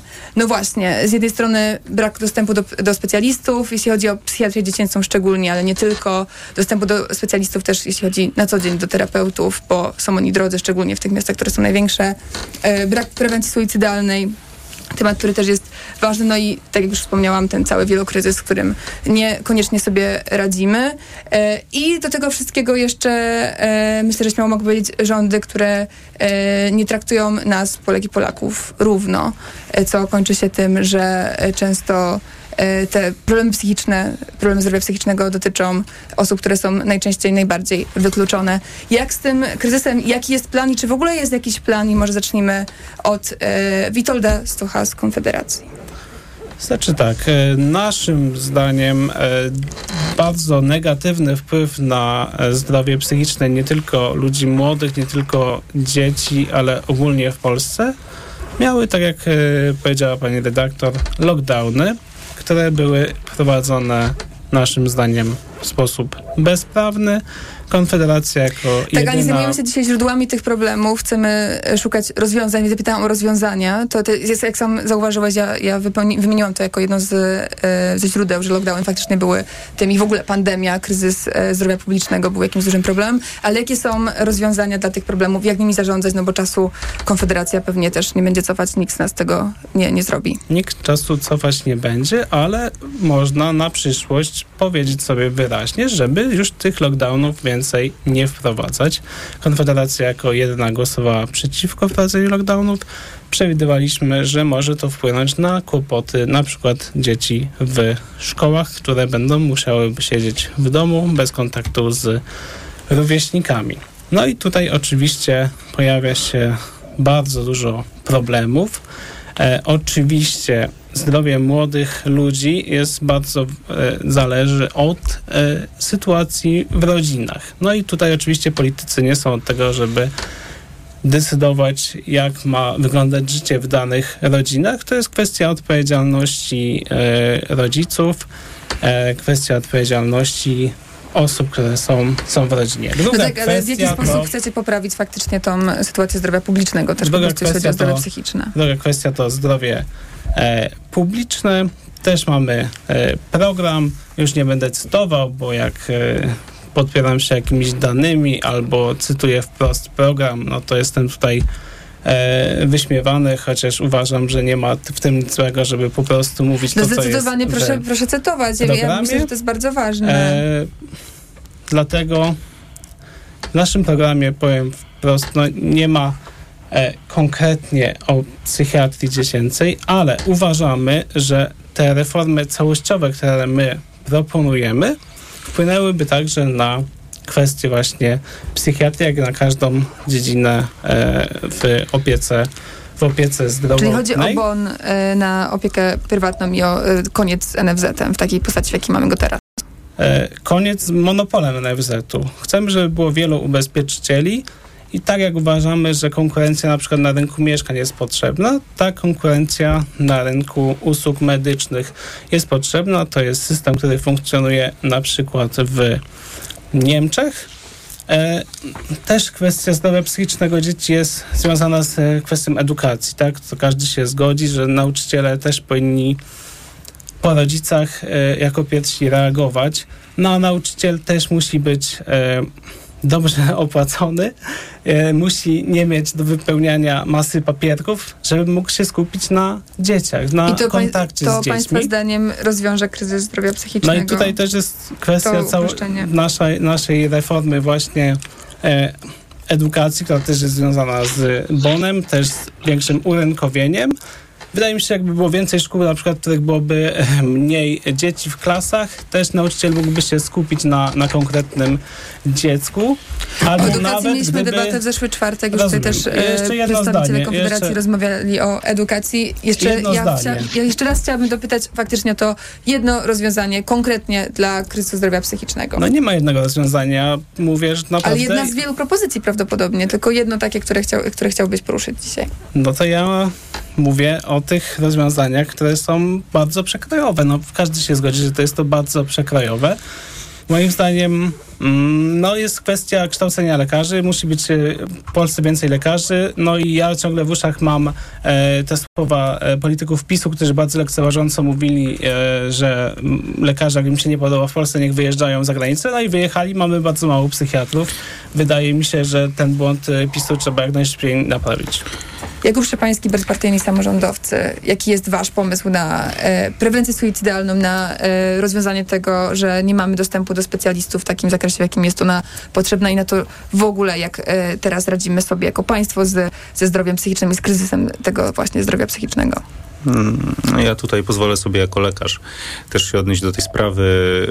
Ja podczas swoich studiów też miałem zajęcia w szpitalu, e, w którym były dzieci z problemami, tak, też problemami psychicznymi. To jest bardzo trudne doświadczenie. To jest takie doświadczenie, po którym jak się wychodzi, to się jest załamanym klasą polityczną w Polsce od dziesięcioleci, że do tego doprowadziła, bo to klasa polityczna do tego doprowadziła, ponieważ tak jest kształtowany ten system w Polsce. Ja powiem o konkretnych rozwiązaniach, ale musiałem ten wstęp zrobić i to też pokazuje y, siłę programu Konfederacji, że nie poruszają tego tematu, więc jak rozumiem, e, gdyby rządzili, to kolejne cztery lata nic by się nie działo. To jest, to jest dramatyczne podejście, dramatyczne. Jeżeli chodzi o bezpartyjnych samorządowców, poza tym, że my już rozpoczęliśmy proces e, naprawiania tego w Sejmiku Województwa Lubuskiego poprzez zachęty dla młodych lekarzy, żeby wybierali tą specjalizację, poprzez dopłaty do nich, godne dopłaty. W Lubinie budujemy szpital e, e, dla dzieci właśnie z problemami psychicznymi, także to jest kolejna inwestycja. Chcemy, żeby były dopłaty na poziomie ogólnopolskim do specjalizacji z psychiatrii dzieci i młodzieży na poziomie 2,5 tysiąca złotych na rękę dla lekarzy, którzy wybiorą tą trudną i wymagającą specjalizację, ale chcemy także, żeby były na poziomie samorządowym konkursy, granty dla psychologów i psychoterapeutów, ponieważ to oni mają również ogromną rolę w tych nie tylko pierwszych etapach, ale także w prewencji, później także w e, pracy z młodzieżą, więc to są nasze konkretne propozycje związane z naprawą tej sytuacji, ale także miejsca rezydenckie, zwiększenie tych miejsc rezydenckich e, z zakresu psychiatrii dzieci, młodzieży i wydaje nam się, że to jest kompleksowe podejście do tego A tematu. czy te 2,5 tysiąca złotych to nie jest e, całkiem e, śmieszna kwota w porównaniu do tego, że Na rękę? No jeśli 500 zł za godzinę niejednokrotnie kosztuje A wie pani, jakie są teraz, a wie pani, jakie są teraz dopłaty? Przepraszam pani, przepraszam, wiesz, jakie są teraz dopłaty dla e, specjalizacji deficytowych? To są na poziomie kilkuset złotych. 2,5 tysiąca złotych e, na rękę. E, Bierzmy pod uwagę to, że lekarze no, mają, e, że tak powiem, no, godne te zarobki. Nie możemy, to, to te dodatkowe 2,5 tysiąca złotych na pewno jest Tak, jak trochę pytałam to dlatego, żeby spytać, czy to jest dobra droga, czy te dopłaty są dobrą drogą, ale tutaj jest wyrywa się do drogą, trzecia droga dlatego się do głosu. E, na milion mieszkańców 90 s- osób. Tylu specjalistów przypada na milion mieszkańców, jeśli chodzi o choroby psychiczne. No to jest dramatyczna statystyka. Oczywiście, że doszło do zaniedbań. Oczywiście, że należy uderzyć się w pierś, ale też trzeba zwrócić uwagę na to, że liczba osób zgłaszających się z konkretnymi problemami też się zwiększa, dlatego pewnie Drastycznie. cały system nie był na to e, przygotowany. Dlatego chociażby zwiększenie liczby specjalistów jest tutaj absolutnie konieczne. Także w szkołach. I nie dajcie sobie Państwo wmówić, że to lockdowny doprowadziły do tej sytuacji. To jest totalny absurd. Lockdowny były we Włoszech, były w Chorwacji, a tam liczba specjalistów i chorób z tego tytułu jest znacznie e, mniejsza. Niestety, ale na to wpływa wiele czynników, od kompletnie nieprzystosowanego do obecnego życia systemu edukacji, braku odpowiedniej pomocy psychologów w szkołach, od tego, że no jeżeli dzisiaj mamy do czynienia e, z szkołą, która nie jest w stanie wychowywać, że nie jest w stanie pomóc młodemu, to te problemy zawsze będą e, narastały, zwłaszcza w obecnym e, świecie. Natomiast kolegi z Konfederacji, bo to nie jest problem jednostkowy, to jest problem całościowy. Nie chcę się znęcać, ale ta klasa polityczna ma na to wpływ. Jeżeli ja słyszę, a o tym była mowa na Parlamentarnym Zespole do Spraw Psychiatrii Dziecięcej, e, wypowiedzi polityków, takie jak, czy nie lepiej by 20 czy 50 dzieci więcej padało ofiarą pedofilów, ale reszta traktowała dorosłych ufnie i żyła normalnie bez pajanego strachu przed pedofilami. I jest to po prostu przyzwolenie na takie zachowania. A mówi to poseł na Sejm Janusz Korwin-Mikke. To jest czysta patologia. To jest właśnie bagatelizowanie tego problemu. I to jest właśnie później brak zajęcia się takimi problemami. Z takimi postawami jak Janusz Korwin-Mikke trzeba walczyć, a nie wprowadzać ich do Sejmu. Czyli jaka jest propozycja trzeciej drogi w tym, w tym temacie? Jak Absolutne zwiększenie liczby specjalistów poprzez chociażby dopłaty do rezydentur, e, wzmocnienie psychiatrii e, dziecięcej, zwiększenie psychologów e, w szkołach, ale na to również będzie potrzeba lat. Czyli, czyli pokazujemy tutaj, że potrafi młode pokolenie budować porozumienie, bo ja rozumiem, że tu Polskie Stronnictwo Ludowe, Trzecia Droga wspiera to, co powiedziałem ja jako bezpartyjni samorządowcy. Tak, i mamy to w programie. Ja w ogóle uważam, że należy stworzyć kompleksowy program w tym zakresie na niejedną kadencję. I wracamy do Pauliny Filipowicz z Koalicji Obywatelskiej. E, Co e, wy zrobicie w temacie zdrowia psychicznego dla młodych ludzi? Czy tutaj podepniesz się pod ten sojusz między Jakubem Szczepańskim z bezpartyjnych samorządowców, a Miłoszem Motyką z trzeciej drogi? To znaczy tak, ja na pewno w tej kwestii wypowiadam się po części jako kandydatka, a w dużej mierze po prostu jako, jako psycholożka. Jeśli chodzi o psychiatrów dziecięcych, to wszystko to, co mówicie, większe, e, większe wynagrodzenia dla lekarzy, to zachęta, żeby ci psychiatrzy po prostu byli, bo w tym momencie, jeśli mówimy o, o psychiatrach e, dzieci i młodzieży, no to mamy tylko 521 czynnych lekarzy psychiatrów w całym kraju.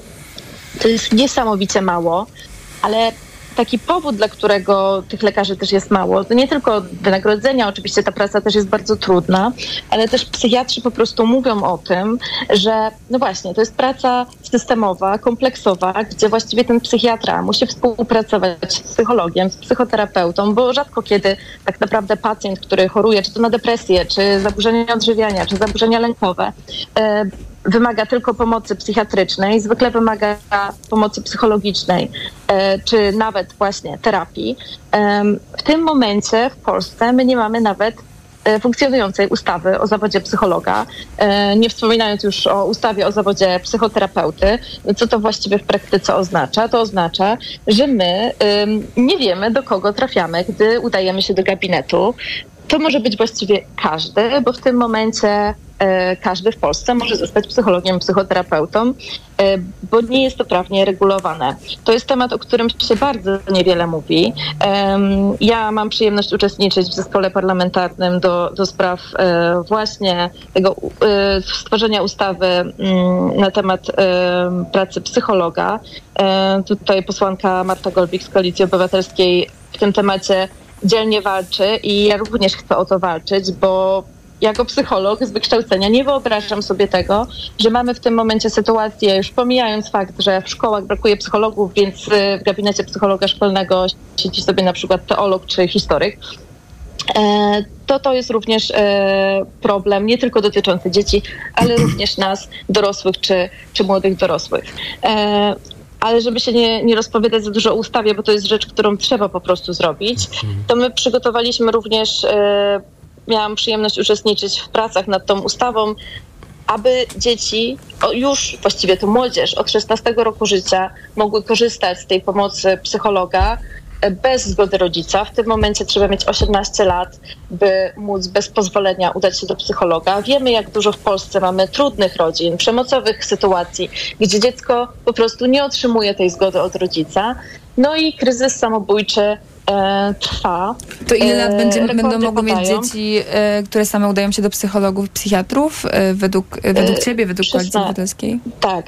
E, tutaj mówiliśmy o tym 16 roku życia, bo to jest już też ten wiek, gdzie naprawdę, ja pracuję z młodymi ludźmi i młodzi ludzie naprawdę wiedzą, kiedy czują się źle i nie potrzebują tutaj zgody dorosłego, bo często to jest po prostu kwestia życia lub śmierci. Ale już jest, gdy jesteśmy przy takich właśnie interwencjach, to jeden z takich postulatów, który dla mnie jest najważniejszy w Koalicji Obywatelskiej, to przywrócenie finansowania telefonu zaufania. 116, 111, ja ten numer zawsze powtarzam, bo to jest numer, który ratuje właśnie życie. Gdy to 16-letnie... E, Wyprzedziłaś moje osoba... kolejne pytanie. A, okej, okay, no to przepraszam, ale, ale po prostu to było, y, to, to jest dla mnie y, okropnie ważne, bo też widzę, jaka jest nagonka. Nagonka na fundacje, organizacje pozarządowe. I ja doświadczam tego osobiście, że my specjaliści po prostu nie możemy działać. Nie jesteśmy wpuszczani do szkół. E, nauczyciele boją się, by zapraszać ekspertów. Ja sama prowadziłam e, warsztaty z zaburzeń odżywiania w szkole, gdzie usłyszałam od e, psycholożki szkolnej, że ona bała się zaprosić specjalistów, ale po prostu jedna dziewczynka w klasie wygląda jakby już wiele miesięcy chorowała na anoreksję, więc jej jest wszystko jedno, czy będzie miała problemy z ministerstwem, czy nie, bo tu chodzi o życie. Paulina Piwowicz, Koalicja Obywatelska i co na to i na zdrowie psychiczne e, i na walkę na poziomie systemowym z kryzysem zdrowia psychicznego e, powie Kasper Krakowiak z Lewicy. To, co mówiła koleżanka Paulina, ale też y, przedstawiciele trzeciej drogi i bezpartyjnych samorządowców niezmiernie mnie cieszy, ponieważ ten kryzys jest naprawdę, naprawdę bardzo, bardzo poważny. A wydaje mi się, że nasze pokolenie jest chyba pierwszym od, od wielu lat, od wielu dekad, które poważnie traktuje ten temat i które uznaje kryzys zdrowia psychicznego za coś, z czym rzeczywiście trzeba się mierzyć i coś, z czym rzeczywiście trzeba walczyć. Niezmiernie mnie cieszy to, że zgadzamy się co do absolutnych podstaw, mianowicie co do zwiększenia ilości specjalistek i specjalistów i cieszę się, że w niemalże wszystkich wypowiedziach, oczywiście poza kolegą, e, przepraszam, niemal wszystkich wypowiedziach e, od, zostało odniesienie, padły odniesienia do systemu edukacji. Myślę, że natomiast, że to, czego zabrakło i to, co chciałbym uzupełnić i to, co jest absolutną podstawą w tym, żeby w ogóle system ochrony zdrowia w Polsce działał, to jest w końcu dogonić Unię Europejską. Polska jest na szarym końcu, jeżeli chodzi o wydatki na zdrowie. My przeznaczamy w Polsce na, te, na ten sektor zaledwie 6,5% PKB, przy czym w Unii Europejskiej średnia to jest około 8%, a wydatki publiczne nie, sięgają w, nie sięgały w 2022 roku, jeżeli o to chodzi, nawet 5%. My jesteśmy naprawdę w absolutnie szarym końcu i nie dziwne, że nie ma specjalistek i specjalistów, którzy zajmują się zdrowiem psychicznym, a już szczególnie tak trudną i wymagającą dziedziną, jaką jest zdrowie psychiczne dzieci i młodzieży, no bo po prostu państwo nie przeznacza na to absolutnie żadnych środków. Yy, oprócz środków, które oczywiście muszą być przekazane, druga kwestia to jest właśnie szkoła. I tak jak mówiła koleżanka Paulina, to jest oczywiście wstęp i dostęp yy, psychologów, psycholożek, specjalistów i specjalistek do tego, żeby do szkoły mogli w ogóle wejść. Nie mówiąc już o tym, żeby mogli być w tej szkole regularnie. Yy, no ale druga kwestia to jest jeszcze w ogóle system nauczania i model pruski, pruskiej szkoły, który nakłada ogromną presję na uczniów i uczennice. E, powiedzmy jedną rzecz. W 2022 roku ponad 2000 osób niepełnoletnich miało próbę samobójczą, a aż 85 osób, dzieci, było przed 13 rokiem życia. Jeżeli taka sytuacja ma miejsce i 10, 7, 11-letnie dzieci mają próby samobójcze, no to znaczy, że szkoła i rodzice absolutnie nie dowożą tego tematu. Co oznacza, że powinniśmy po pierwsze odchudzić podstawę programową i doprowadzić do sytuacji, w której nie będzie nakładana absolutnie horrendalna presja na młode osoby, żeby realizować bardzo obfity program nauczania. Druga kwestia to odejście od oceny z zachowania, która ma charakter cyferkowy, tylko po prostu przejście do oceny opisowej kompetencji psychospołecznych młode, młodego człowieka. A ostatnia kwestia, która w szkole mogłaby być absolutnie kluczowa, abstrahując już od tego, co do wszystkiego chyba, co, co do czego chyba się zgadzamy, czyli psychologa lub psycholożki w każdej szkole, to jest yy, reforma i zmiana, która by dotyczyła kształcenia lub doskonalenia się nauczycielek i nauczycieli, która pozwalałaby im rozwijać kompetencje miękkie i między innymi właśnie rozpoznawanie problemu zdrowia psychicznego, co e, no, byłoby po prostu y, sytuacją, w której jeżeli gdzieś rodzice z różnych przyczyn nie domagają, no to wtedy szkoła jest w stanie wejść i zareagować, ponieważ rozpoznaje kryzys zdrowia psychicznego Debatę o edukacji już mieliśmy w zeszłym tygodniu tak. w ubiegły czwartek i zapraszamy też do posłuchania jej i propozycji, które mieli e, równi partii, które e, tutaj wy wszyscy reprezentujecie e, do powiedzenia w tej e, sprawie. I zastanawiam się tylko, po pierwsze mam wrażenie, że wszystkie osoby powiedziały o, o szkole, wszystkie osoby powiedziały o tym, w jaki sposób szkoła wpływa na zdrowie psychiczne, ale też jak myślę sobie o tym, jakie są takie aspekty, które faktycznie najbardziej gdzieś tam są trudne dla młodych osób, to myślę sobie o osobach, młodych osobach LGBT+, których jest sporo u nas w kraju e, i które z jednej strony mierzą się z tym, że nie mają takiej, takiego przykładu e, w starszych pokoleniach często, gdzie widzą zdrowe, szczęśliwe rodziny osób LGBT+, z drugiej strony są systemowo wykluczane, z trzeciej strony doznają stresu mniejszościowego, czyli takiego stresu, który właśnie dotyka konkretnie e, grupy, e, które są często niedoreprezentowane, grupy, które są wykluczane, które muszą się spotykać z dyskryminacją. I zastanawiam się, jak wy, już też myśląc właśnie konkretnie o, o zdrowiu psychicznym, jak wasze komitety wyborcze, które reprezentujecie e, i wy sami konkretnie jako kandydaci i kandydatki podchodzicie do zadbania o potrzeby właśnie osób LGBT+, nie tylko jeśli chodzi o zdrowie psychiczne, ale też jeśli chodzi o jakieś e, zadbanie o ich funkcjonowanie również u nas w Polsce i sprawienie, że być może e, będzie do tej naszej równości upragnionej pewnie. E, no, może Paulina ja... Filipowicz, Koalicja Obywatelska. Może oddajmy głos Paulinie najpierw. Dziękuję bardzo, Wiktoria. E, tak, wspomniałaś o tej e, nagonce e, na grupy mniejszościowe, na, na osoby LGBTQ+. E, ja się bardzo ucieszyłam, jak dowiedziałam się, że, że wśród tych właśnie postulatów na 100 dni będzie odwołanie Mikołaja Pawlaka e, z funkcji Rzecznika Praw Dziecka. No i właśnie powołanie na to, na to stanowisko osoby, która zajmie się dobrem dzieci, ale z szacunkiem do różnorodności. Wiemy dobrze, e, że pan Pawlak ostatnio zajmował się kontrolami w kołach e, przyjaznych LGBTQ+, które, które w rankingach e, Fundacji Growth Space osiągnęły wysokie wyniki, że są miejscami przyjaznymi, dobrymi. Po czym pan rzecznik stwierdził, że w takim razie e, on zastraszy dyrektorów, uczniów tych szkół um, i będzie do tych szkół wchodził. Ja wiem, że edukacji, um, o edukacji dzisiaj nie rozmawiamy, ale to jest po prostu tak istotne, bo tak naprawdę w szkole uczymy się tego, e, żeby szanować siebie nawzajem, mimo różnic, e, nawet jeśli kogoś nie rozumiemy. Więc ja bym bardzo zwróciła na to uwagę, że nie możemy pozwolić na dalszą nagonkę, która w tym momencie jest po prostu obrzydliwa.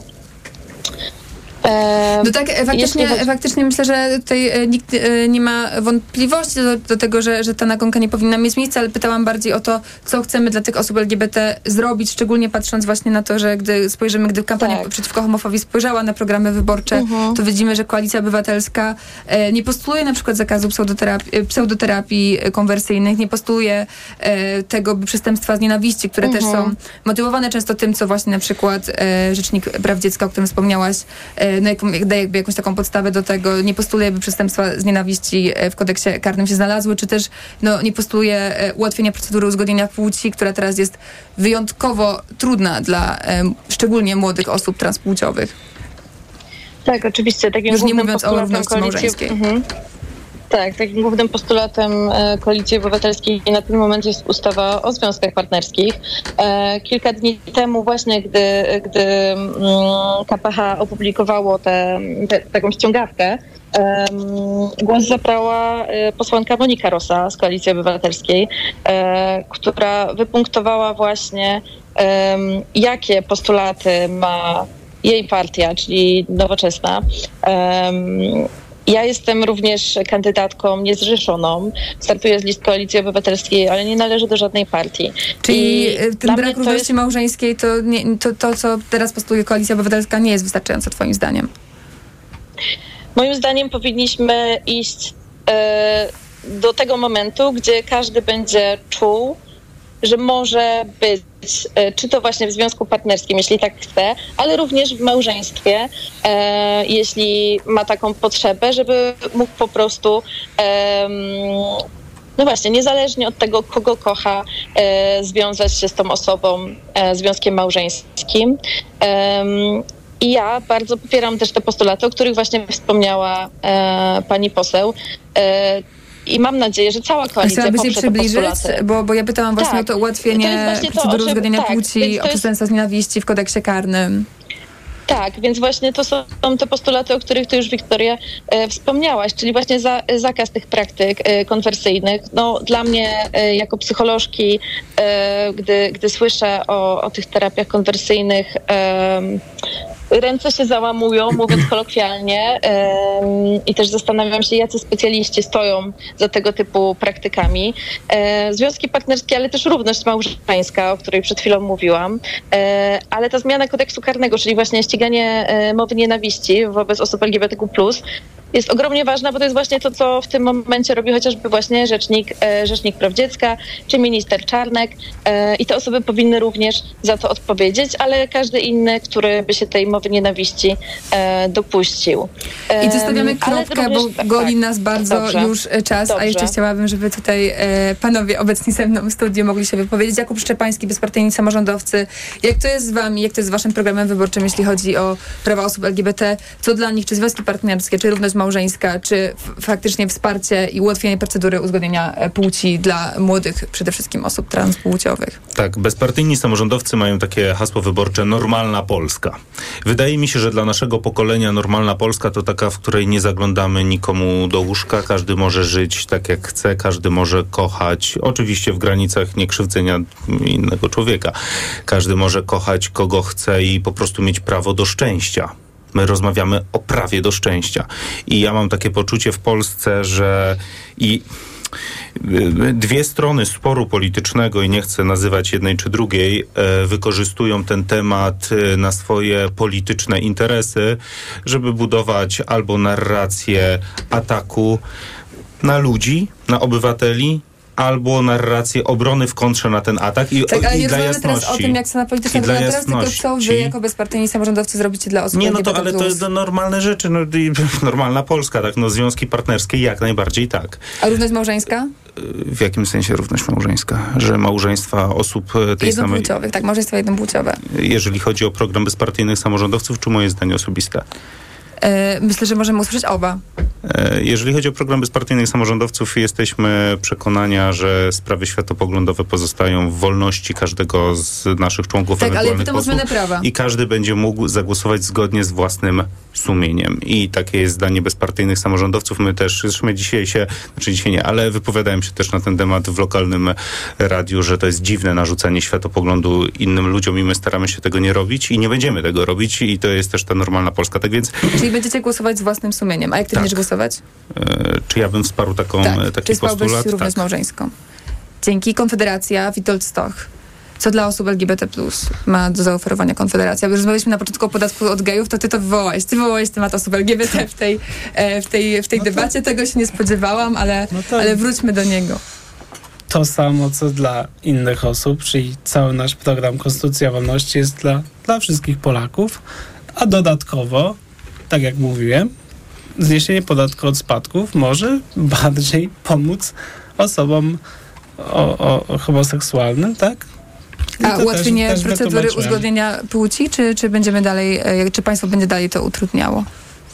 E, jeśli chodzi o te wszystkie kwestie, o które e, pani redaktor pytała, no nie będzie chyba niespodzianką, nikogo nie zaskoczę, że mając konserwatywne poglądy, będąc partii o takich poglądach, no nie mogę powiedzieć czegoś innego, że po prostu e, nie będziemy wprowadzać takich, takich zmian, tak?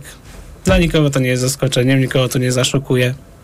Czyli jeśli będziemy mieli e, głosowanie nad związkami partnerskimi, które zapowiada e, na przykład Donald Tusk, e, to jak zagłosujecie? Znaczy u nas też głosuje się, wiadomo, zgodnie z własnym sumieniem. No, jeśli chodzi o mnie osobiście, ja bym głosował e, po prostu przeciw, tak, no. A wróćmy na moment jeszcze do tej równości małżeńskiej, bo e, jak ja myślę sobie o małżeństwie, to to jest jakaś taka bardzo konserwatywna, właśnie tradycyjna instytucja i zastanawiam się, czy to nie jest tak, czy popieranie tego, by małżeństw w Polsce było więcej, to nie jest coś, co powinno leżeć w gestii również Konfederacji i jej przedstawicieli. No, mając konserwatywne poglądy, uważa się, że e, małżeństwo to jest e, związek kobiety i mężczyzny, tak? Znaczy pamiętajmy, że tak też jest e, w Konstytucji zapisane, którą wprowadziła Lewica, bo my musimy być bardzo uczciwi w tym temacie. Nie Lewica, tylko naród. No, Jeżeli chodzi o to, to ja wiemy, zachęcam to jednak do zapoznania się ze stenogramami z posiedzeń Rady Konstytucyjnej, z Tak, ale to wypowiedziami też nie- Jerzego to- to Dokładnie, to i kto akurat tak. walczył o ten To zapis i Dokładnie. Pro- Wprowadzenie równości małżeńskiej jest jakąś kwestią sporną, jeśli chodzi o- o przepisy, które mamy w przyjętej później przez naród. Konstytucji. To my chcieliśmy, aby taki zapis się... Ale to było w e, 97 roku, jest Młoda Polska 2023 I pamiętam, co wtedy mówił Aleksander Kwasiewski.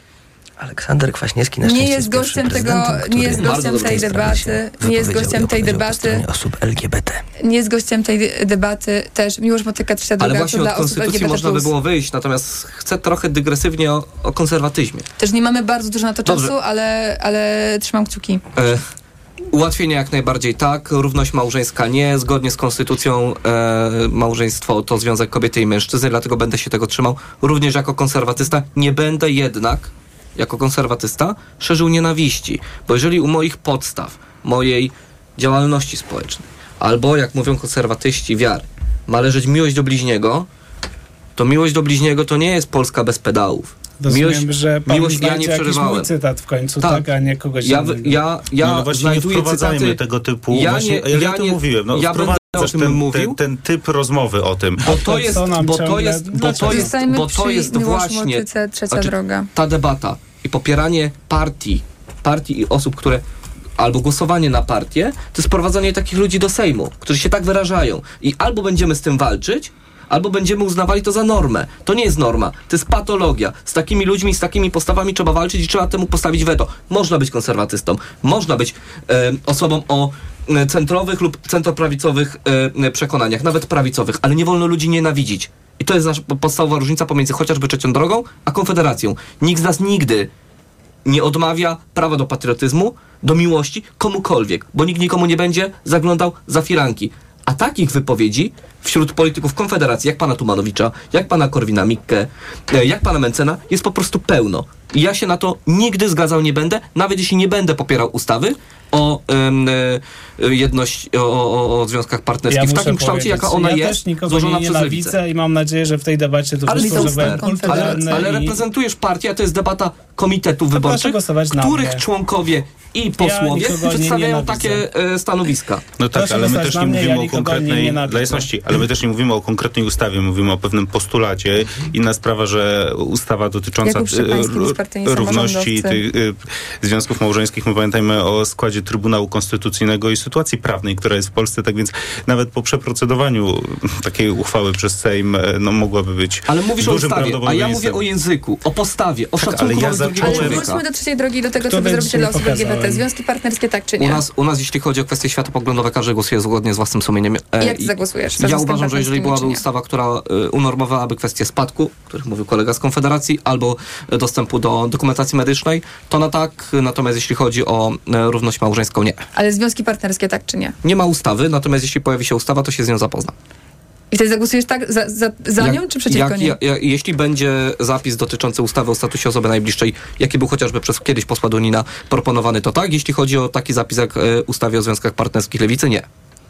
No to jak już Znam wywołałeś te ustawy, lewicę... więc stąd, jak już stąd wywołałeś różnica, znam, znam lewicę, różnicę. Jak już wywołałeś lewicę, to Kacper Krakowiak, lewica, co z tymi e, osobami LGBT+, plus jak się, jak się zajmiemy ich problemami, jak się zajmiemy też ich potrzebami? Szanowni Państwo, ja myślę, że to jest taka kwestia, która nie powinna podlegać dyskusji i sporom, bo tu chodzi po prostu o to, żeby państwo respektowało stan faktyczny, jaki obecnie obowiązuje. I żeby wszyscy obywatele i obywatelki, niezależnie od tego, kim są i skąd pochodzą, mogli w tym kraju po prostu realizować swoje prawo do szczęścia, tak jak powiedział kolega, i prawo do zakładania rodziny.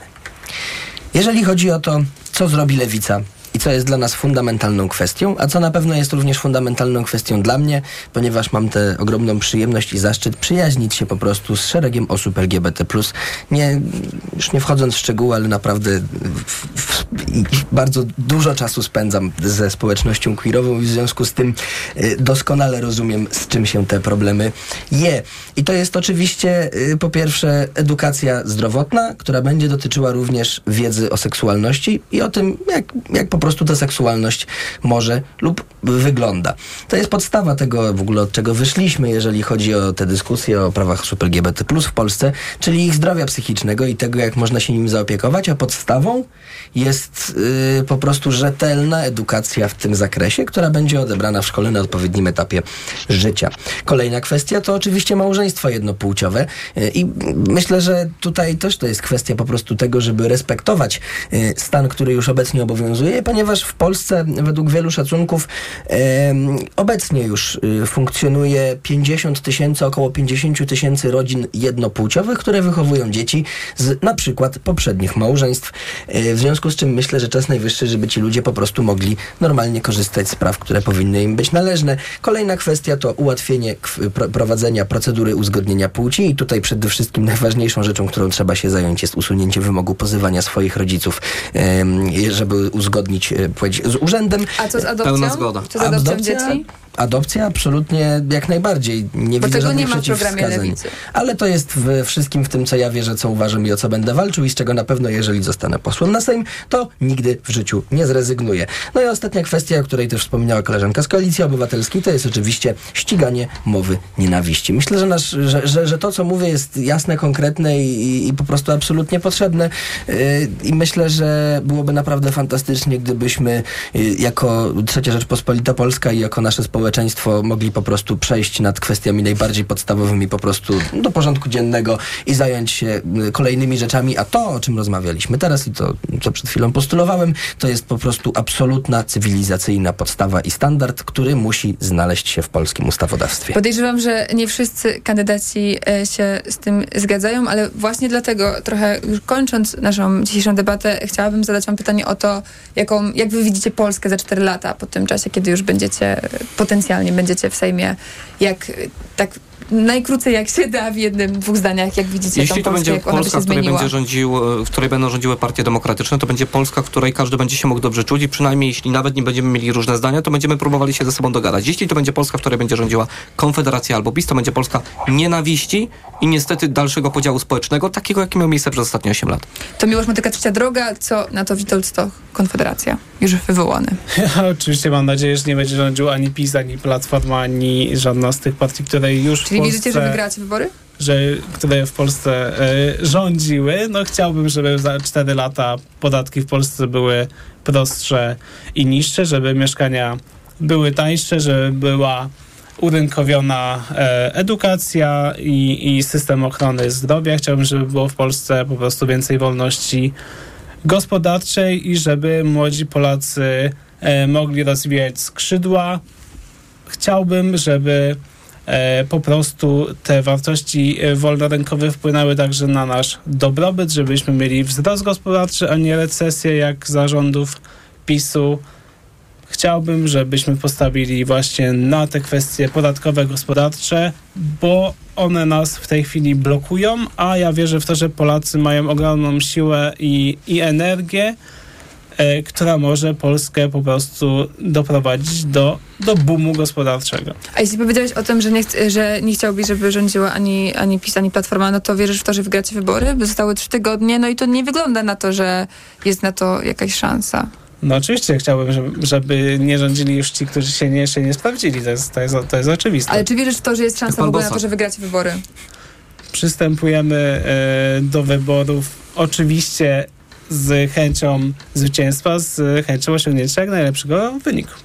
Kazper Krakowiak, Lewica. Jak widzisz Polskę za 4 lata po tej kadencji, w której potencjalnie będziesz posłem? Niezależnie od sondaży i niezależnie od tego, jak na ten moment kształtuje się sytuacja, to wierzę, chcę wierzyć i oczywiście będę robił wszystko, żeby tą wiarę przekuć w czyny, żeby po 15 października w Polsce władza się zmieniła i żeby do tej koalicji rządzącej weszły partie demokratycznej opozycji.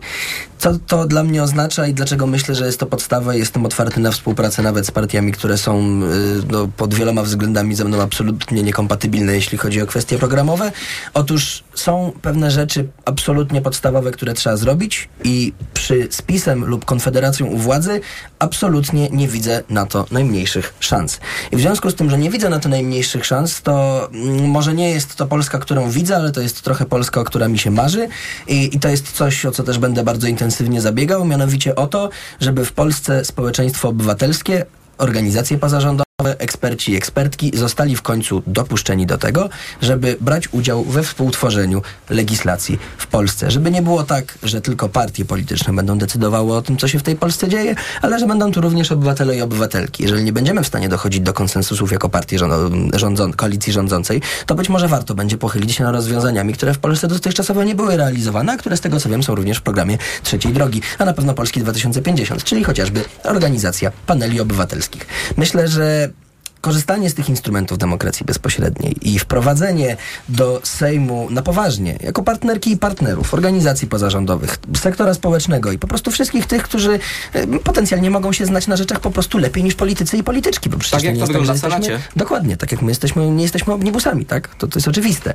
Ale myślę, że to, co powinno się wydarzyć, to po prostu e, udemokratycznienie tego kraju. A to, co uda nam się osiągnąć w tej koalicji To się rządzącej, przekonamy. to się przekonamy w zależności od tego, ile lewica będzie miała posłów Jakub. Szczepański, bezpartyjni samorządowcy, jak ty widzisz e, Polskę za 4 lata w czasie, po tym czasie, gdy potencjalnie będziesz mógł być posłem na Sejm? Tak, bezpartyjni samorządowcy przede wszystkim stawiają właśnie na tą normalną Polskę, e, Polskę zarządzaną rozsądnie.